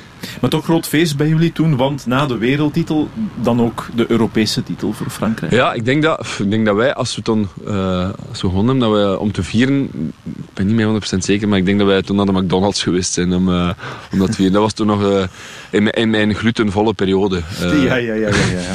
Oké, ja, maar het kan allemaal. We gaan terug naar 2 juli 2000. Dat was de datum van de finale. We horen Frank Raas en Jan Wouters onder meer als... eh, Ja, ik zie nog altijd die fase volledig voor me. je Maar gaat ik ze laat nu horen. Ja. Je gaat ze nu horen. Goedenavond. Frankrijk kon er als allereerste land in slagen de wereld- en de Europese titel vlak na elkaar te behalen. In die volgorde. Duitsland deed het in 72 en 74 in omgekeerde volgorde. Maar dan moest Frankrijk wel voorbij Italië, dat op dit EK indruk had gemaakt door vooral niet te willen aanvallen.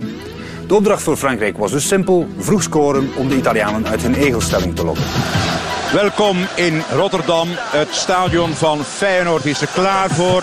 Op goed vijf minuten van de aftrap. Iedereen op post. eh, geen eh, zon apart meer van wolken te onderscheiden. Eén grijzige lucht hierboven. Binnenin veel kleur en de twee ploegen die het veld opkomen. Jacques heeft goed afgezet tegen Del Vecchio. Ja, daar zien we de beste verdediger van de wereld die gepasseerd wordt door Henri. Mooie beweging. Nesta in de wind, dat gebeurt. Hola. Kijk eens aan in de eerste seconde. Meteen al vuurwerk. Spektakel moet ik zeggen in Nederland. En dan uitbraak Del Vecchio tegen Bartes. Ja, ja, wat gaan we hier allemaal beleven? Pesotto, ja. Fiore kan voorzetten met rechts. Zijn goede voet. Del Vecchio. Ja, ja, de Italianen. Dat is offensief voetbal. Ze hebben het ontdekt. Ze kunnen het. Man tegen man. Nesta met Henri. En Henri heeft van die snelle bewegingen. Oh, daar staat Jocke helemaal alleen. In het hart van de defensie van de Italianen. Dat komt bijna niet voor. De 45 minuten zijn vol, zeer intens. Offensief begin van de Italianen tegen vele verwachtingen in. Maar geen goals en dat is wel volgens de verwachtingen natuurlijk. Italianen, net als in het begin ook, ja, toch meer aanvallend dan eh, wie ook voor mogelijk achtte. Het heeft niet zo lang geduurd, maar ze zijn wel verder van hun doel blijven afspelen. Tot die hakje, bal voor en Del Vecchio goal! Met Del Piero. En Del Vecchio die scoort. En het is 1-0 na 9 minuten 50 seconden. 1-0 Del Vecchio. Knap gedaan. De corners eerst al. Bal met hak gespeeld. Dan voorgebracht. En ingeschoten. Perfect gedaan. Binnenkant voet, linkervoet. Pesotto die voortrok. En uh, Del Vecchio. Ja, mis er een beetje van Desailly.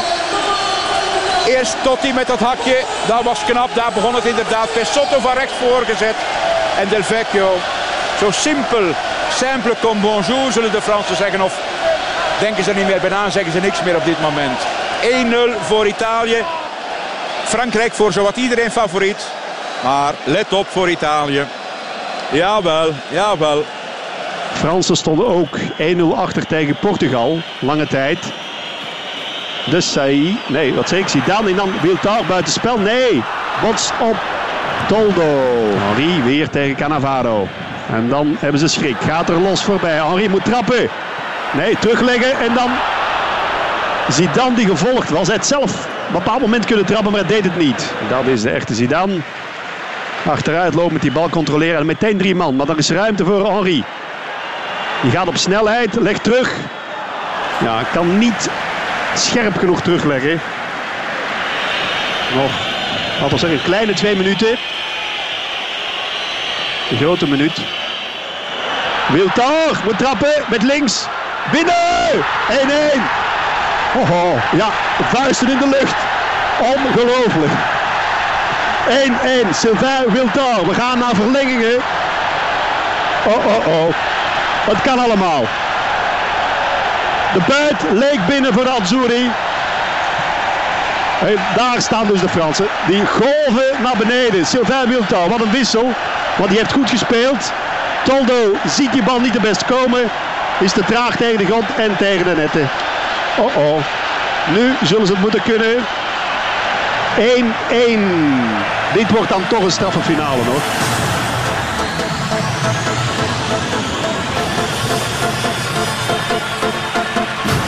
Drie minuten iets minder nog in de eerste verlenging. 1-1 is de stand. En het stadion leeft ongelooflijk mee. Erom niet uitgelaten, maar in spanning. Elke actie van nabij volgend. Zidane. Zidane. Zidane aan de bal. Frankrijk nog op gelijke hoogte met Italië. Dat zij gezegd, de stand is 1-1. Anderhalf minuut voor het einde van de eerste verlenging. Of nog 2,5 minuut misschien. Toch wel Perez door. Bal achteruit. En Trezeguet scoort. Trezeguet, wereldkampioen. Frankrijk is ook Europees kampioen. Italianen verslagen. De invallers scoren. Eerst Biltor, nu Trezeguet. Het is gebeurd. Twee minuten voor het einde van de eerste verlenging. Sudden death voor de Italianen. Ze liggen voor dood neer. Fransen winnen. Primeur in de geschiedenis van het voetbal. Wereldkampioen wordt ook Europees kampioen. En eh, koningin eh, Beatrix krijgt tekst en uitleg van president Chirac. Hij zegt, "Go- zo gaat dat bij ons in Frankrijk, zo doen we dat. Frankrijk wint met 2-1 van Italië. Pires, bal voorgebracht. Trezeguet meteen. En met één been, direct het linkerbeen, die bal erin. Heel mooi, ook knap op die manier. En Toldo verslagen. Heel Italië ligt lam. Hier in Rotterdam. En ginder van Rome tot eh, Milaan. Van eh, Florence tot eh, Palermo. Trezeguet. De boys doen het.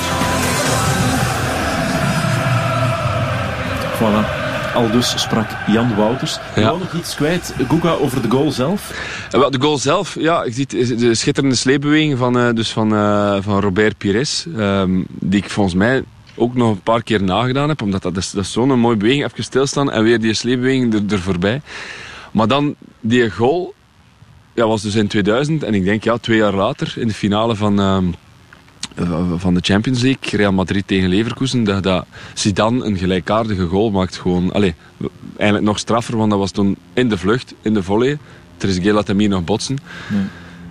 Alhoewel, puur technisch gezien weet ik eigenlijk niet wat het moeilijkste is. Maar het, het ja, is maar precies... wel een fantastisch doelpunt. Ja, het is. Ja. Ja, dans la lucarne, hè, zoals ze zeggen in, in, in de winkelaak. Dus, dus, ja. Mij deed dat eraan denken, ja. We gaan naar het volgende moment.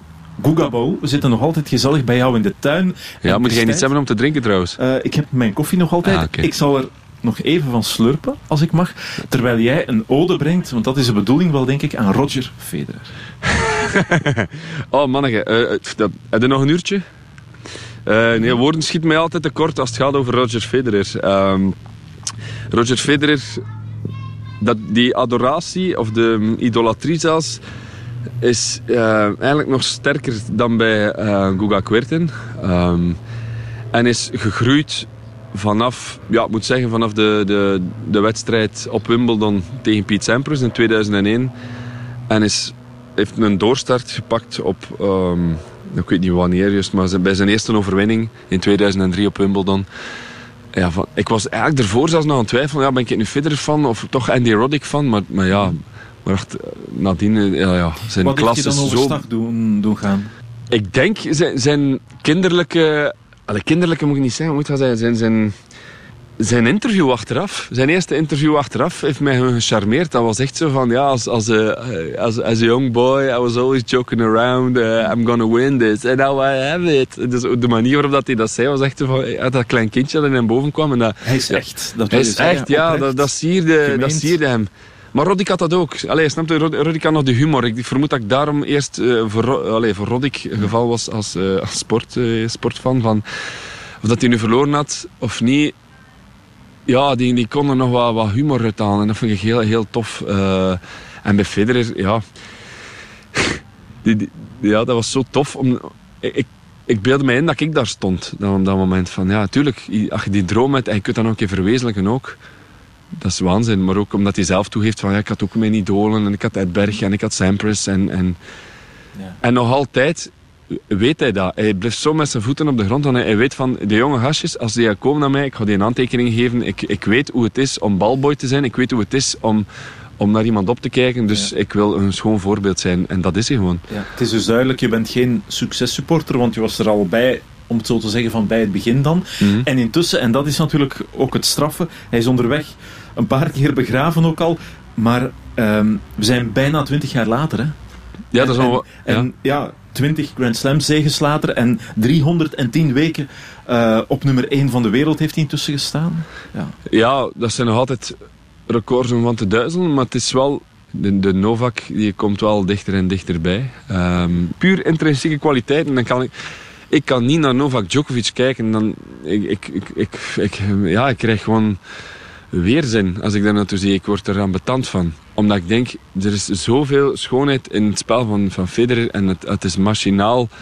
En ik weet dat ik daarmee heel veel Djokovic-spelers tegen, of fans tegen de borst stoot. Maar dat, ja, dat machinale vind ik zo afstotelijk. En, en als Federer een backhand kan slaan, kan hij een backhand of een slice bijvoorbeeld op tien manieren slaan. En, en, en een match openbreken door, door verschillende eh, dingen te doen. En ik ben wel iemand, allee, je moet fan zijn, hetzelfde met KVO Stend. Ik ben er altijd blijven in geloven dat we ons gingen redden. Ik had dat Mm. met Federer ook. Iedereen zei ah, dat hem afgeschreven, die gaat nooit geen Grand Slam niet meer winnen. En, en ah, in 2012 wint hij dan nog Wimbledon. In 2015, als ik me niet vergis, ook. Ja, door Dus- zichzelf te vernieuwen. Hè. Maar te ja. blijven vernieuwen ook in zijn tennis. Hè. Ja, ja, absoluut. Want als je Ro- Roger kijkt in het begin, tot, allee, was hij de surf- en volleyspeler en ook eh, iets, iets wilder. eh, ehm, ja, moeten zeggen, in de loop der jaren is hij strakker geworden. Ook, ook in zijn kledij en zo. Vroeger waren dat wilde, allee, loshangende t-shirts en, en met zijn, met zijn haar. Dus en nu is echt zo alles is, eh, meticuleus. Ja.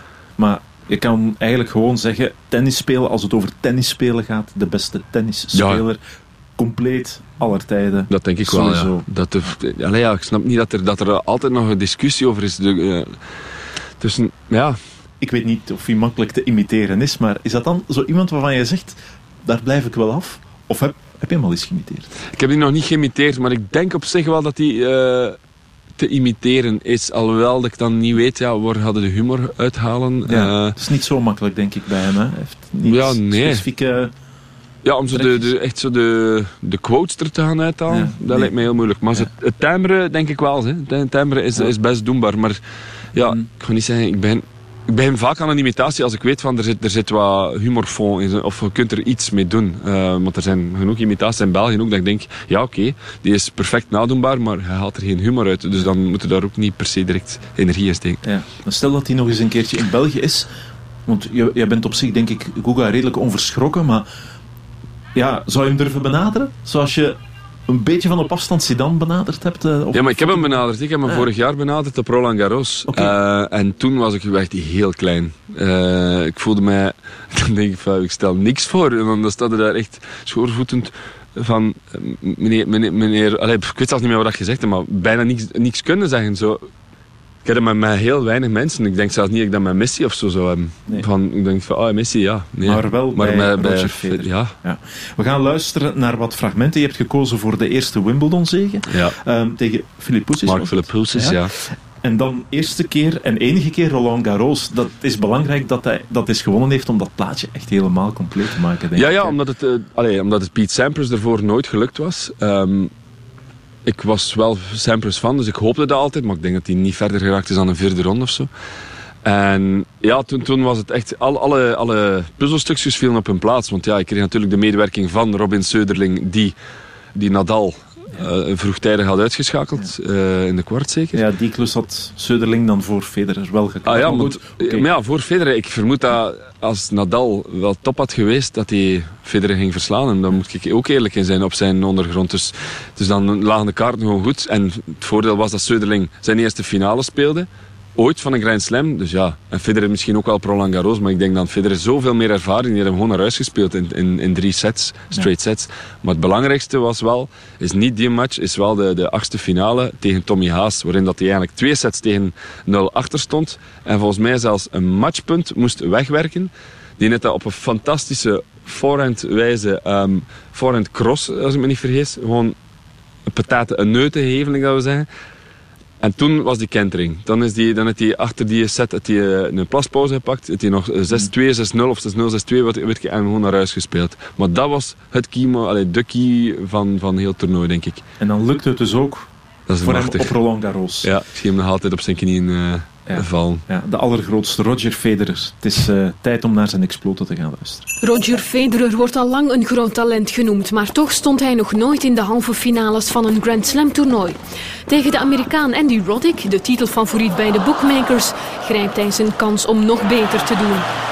Federer wint de eerste set na een tiebreak en slaat al vroeg in de tweede set een beslissende kloof. Ook de derde set eindigt op 6-3 en zo wordt Federer de eerste Zwitserse finalist op Wimbledon. 7-6, 6-3, 6-3. Mark Philippoussis is na drie knieoperaties weer helemaal terug. Met zwaar geschut kegelde hij Andre Agassi uit het toernooi. Sébastien Grosjean is helemaal kansloos. De Fransman versloeg Engelands hoop Tim Henman, maar bereikt nooit zijn beste niveau. Philippoussis haalt het, net als Federer, met 7-6 en twee keer 6-3. Hij is de vierde Australiër in vier jaar die hier zondag strijdt voor de titel. We'll be passing by, and they'll be wasting time, just waiting for new. Roger Federer to me, this is really the start for him. It's not the end of a road, it's the start. He is a true tennis Houdini. He's the modern day Houdini of men's tennis. He's earned respect in the smaller tournaments. Now he gets to see if he can have the respect that goes only to champions. Het duel tegen de Australiër Mark Philippoussis biedt niet het verwachte spektakel. Daarvoor is Federer gewoon te sterk. Philippoussis scoort wel met zijn verschroeiende opslag, maar Federer haalt veel terug. Mooie volley, prachtige volley.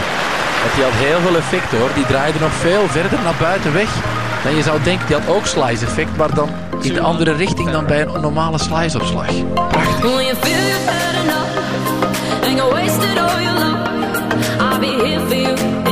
De onzekerheid neemt toe bij Philippoussis. In de tweede set is het overwicht van Federer groot. Hij loopt meteen 4-0 uit en haalt het met 6-2. Philippoussis mist ballen die hij echt niet mag en moet missen. De aansluitingsbal tussen service en het opkomen naar het net te vaak in de fout. Philippoussis probeert daarna nog aan te klampen. Sleept zelfs nog een tiebreak uit de brand. Maar ook die is voor Federer met 7-3. No, yeah,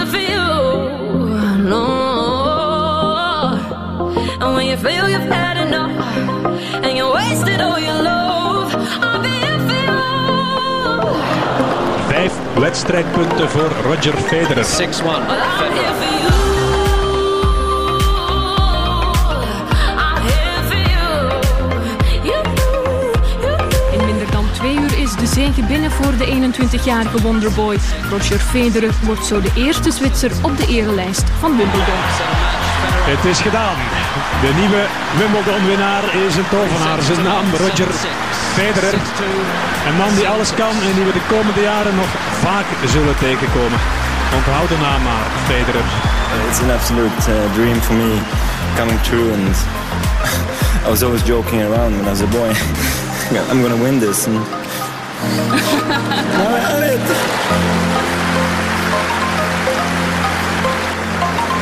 I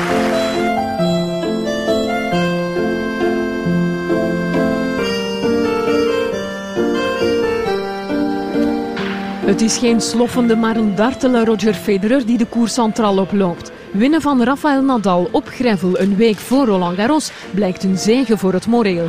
S'il gagne chaque année ses, ses 40 matchs sur, terre battue et qu'il n'arrive jamais à battre, bon, c'est clair que tu un peu plus pessimiste, mais comme ça, on a quand même toujours vu que si tu bien, il y a toujours une, chance. Juan Martin Del Potro heeft in het hele toernooi nog maar één set moeten prijsgeven. En ook tegen Roger Federer start de Argentijn uitstekend. Maar nu Rafael Nadal vroegtijdig naar huis ging, ruikt Federer zijn kans om het Franse hiaat in zijn palmares eindelijk eens op te vullen. De beslissende vijfde set wordt een uitputtingsslag. Del Potro lijkt er stilaan door te zitten.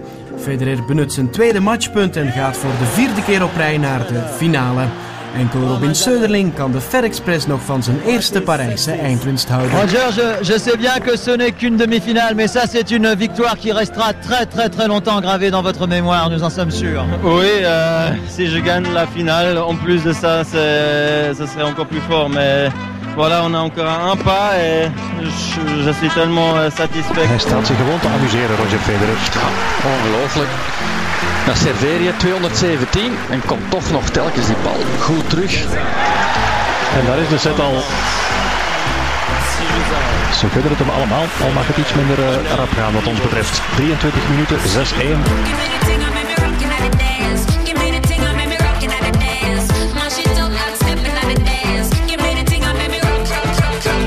Zagen daar een Spaanse vlag met de naam van Roger Federer op. Dat zijn de overlopers. Maar het zegt veel over het respect overal ter wereld voor Roger Federer.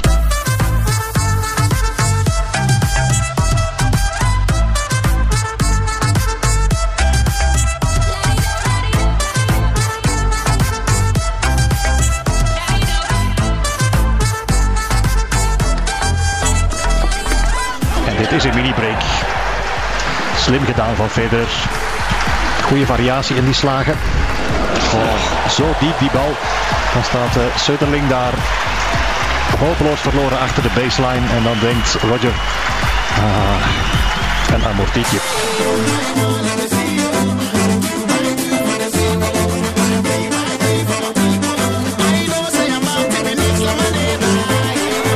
Tegen 0. Wat kan er nog verkeerd gaan voor Roger Federer in zijn tweede op een eerste Roland Garros en een veertiende Grand Slam titel. Het is zover. Roger Federer schrijft legende op zondag 7 juni 2009. Hij evenaart de 14 Grand Slams van Pete Sampras en doet dat uitgerekend op dat vermalendijde gravel van Parijs waar hij nog nooit kon winnen. Een mooier verhaal kan je niet schrijven. En kijk eens hoe blij hij is.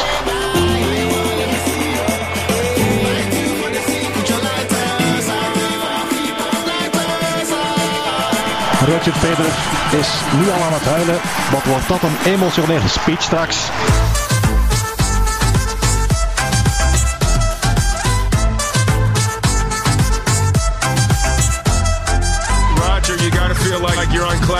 Like you can fly right now. Amazing. Yeah, it is absolutely amazing. Uh, it's, uh, I guess, the most satisfying victory in my in my life, right next to my um, my first Wimbledon, I think.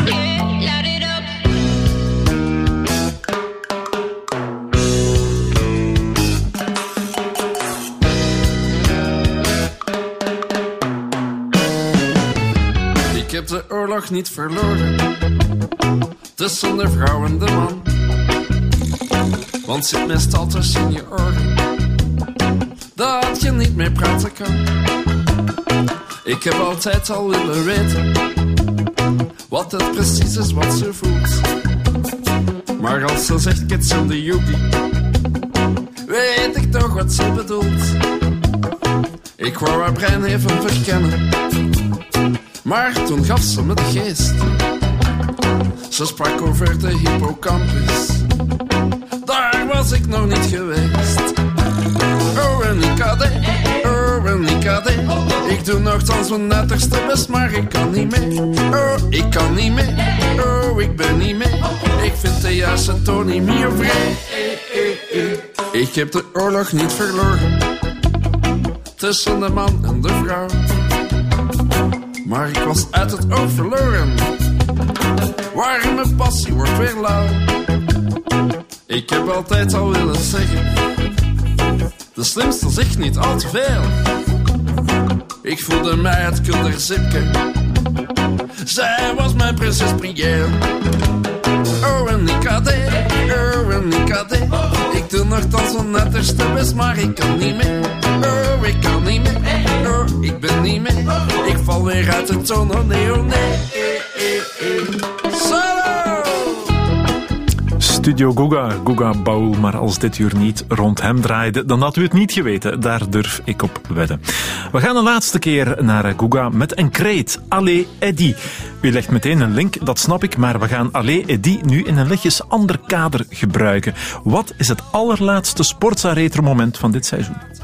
Dat is eh, de slotetappe van de Tour de France eh, 1994, dus op de Champs-Élysées. Ehm, toen dat er eigenlijk nog echt mocht gekoerst worden en dat dat niet in scène gezette massaspurt is, wat je toch vaak de laatste jaren. Ehm Eddie Seigneur, volgens mij de meest nobele, onbekende eh, coureur aller tijden voor de Vlamingen. Ik denk niet dat een van mijn maten Eddie Seigneur kent. Maar voor mij op dat moment, ja, ik was toen acht jaar. eh, er zijn weinig momenten, als je die nog een keer dat je kippenvelmomenten zijn. En waaronder Tom Bonen in 2005 toen dat de wereldtitel haalde. ehm, dat mede door Michel Wuits, die dan ook zo die commentaar erbij gaf. Kippenvelmoment. En ja, Eddie Seigneur is ook een van die kippenvelmomenten. Want ik geloof dat ze met vijf ontsnapt waren. En het peloton was met rassenschreden dichterbij aan het komen.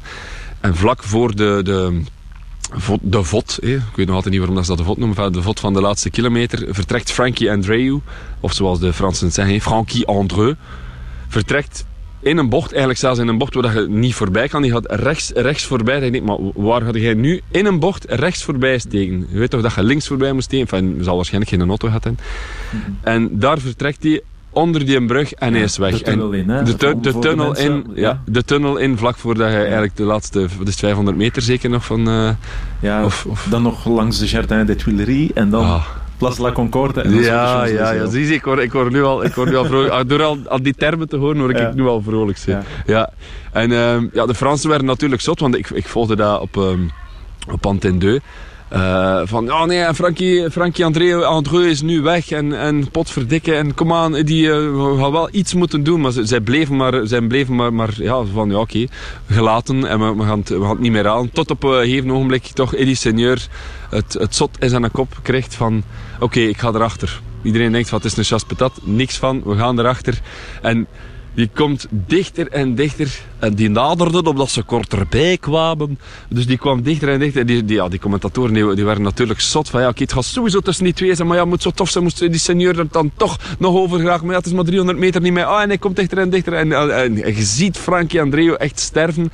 En hij gaat dan in het zog van Andreu. En hij gaat er dan nog echt, denk de laatste 50 meter vermoed ik er nog over. Dat is zo, het contrast kon niet groter zijn tussen een geslagen hond van een Frankie Andreu ten opzichte van Eddie Seigneur, die echt eh, blij als een kind nog nooit volgens mij een etappe gewonnen had eh, in heel zijn leven. Of toch geen, geen rol van betekenis. Misschien in, de ronde van, van uh, Chupa Chakeye en, en weet ik veel wat. Maar, maar dan, op dat moment, dat kunnen doen voor ja, Equipe Gan, wat toen ook niet zo bekend was.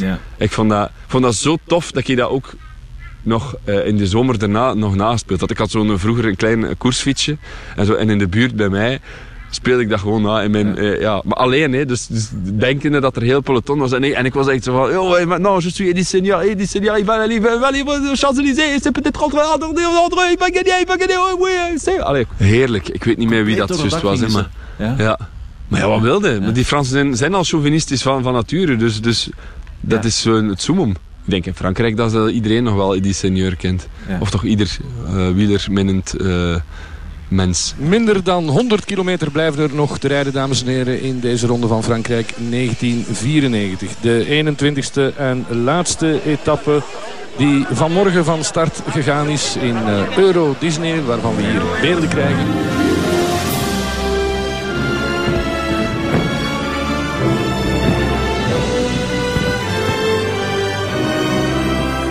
Met Miguel Indurain, die vandaag aan zijn 50ste dag begint in de gele trui. Uiteraard niet in deze ene ronde, maar in de vier rondes samen.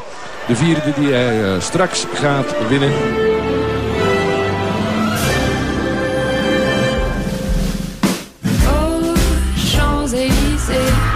Kasputis, Hamburger, Muller en Andrew op weg naar het keerpunt. Daar niet zo ver van de Arc de Triomphe.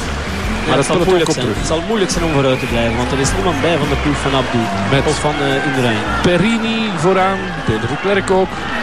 Één man terug. Eén man volgt op een 50 meter. Die gaat terugkomen. Dat is Seigneur of Moreau. Een van die twee blonde ganmannen.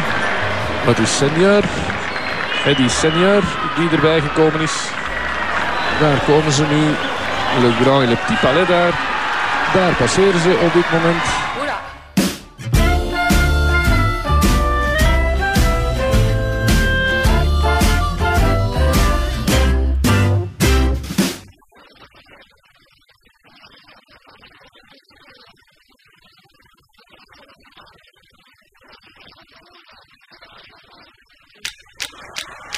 Met Jurg Muller.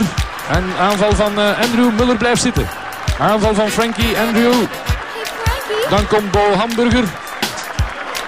Ze zijn elkaar daar wat de duvel aan het aandoen. Bij de vier. En opletten of Andrew is weg. Ja, ja, ze gaan niet mogen twijfelen. Ze zullen niet moeten twijfelen. Het is direct een gat van 50 meter. En wie gaat er nu rijden daar? Daar wordt gekeken. De laatste kilometer zo dadelijk voor Frankie Andrew. En ik denk dat hij gewonnen spel gaat hebben als ze daar niet direct doorgaan nu. Dan gaat Andrew naar de ritzegerij, de een American in Paris.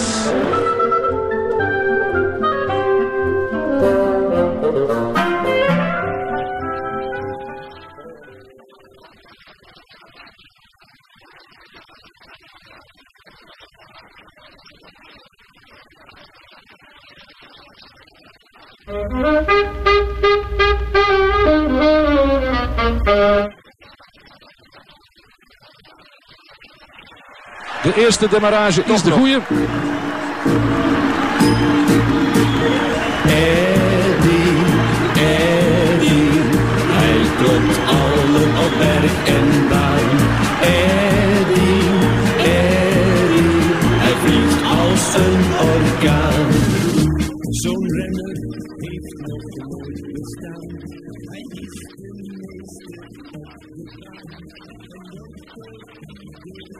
En het was Senior, dat is een sterke kerel ook, die geweldige finisher die het alleen ging proberen. Zie je, Eddie Senior is weggegaan, de andere drie spelen niet meer mee. Het gaat tussen deze twee mannen. Andrew kunnen stand houden, let op, want hij is nu een ideaal mikpunt voor die senior en die kan enorm hard rijden. U ziet de weg is daar toch nu wat nat geworden.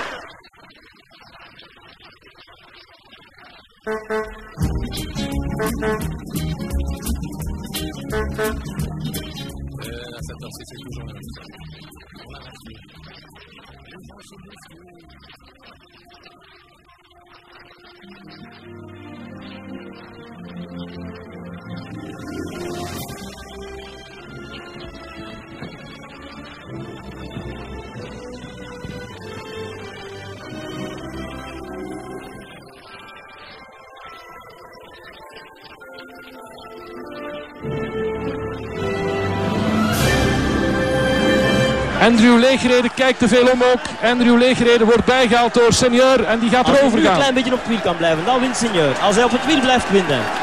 Hij mag niet erop komen. En daar komt hij. Frankie Andrew heeft zich gewonnen. Frankie Andrew is leeg. Eddie Senior gaat de laatste rit hier winnen. Met drie zitten ze nog in de wedstrijd. Met drie ganrenners. En hier op de Champs-Élysées. Ritzegen voor Eddie Senior. Hij blijft onze Eddie.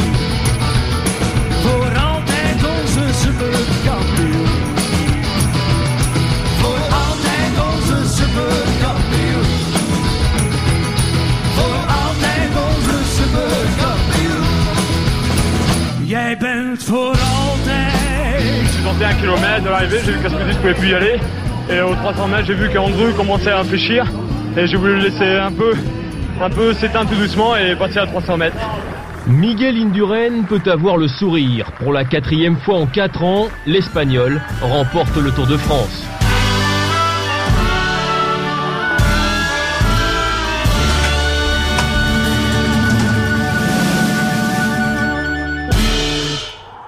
Bonne soirée.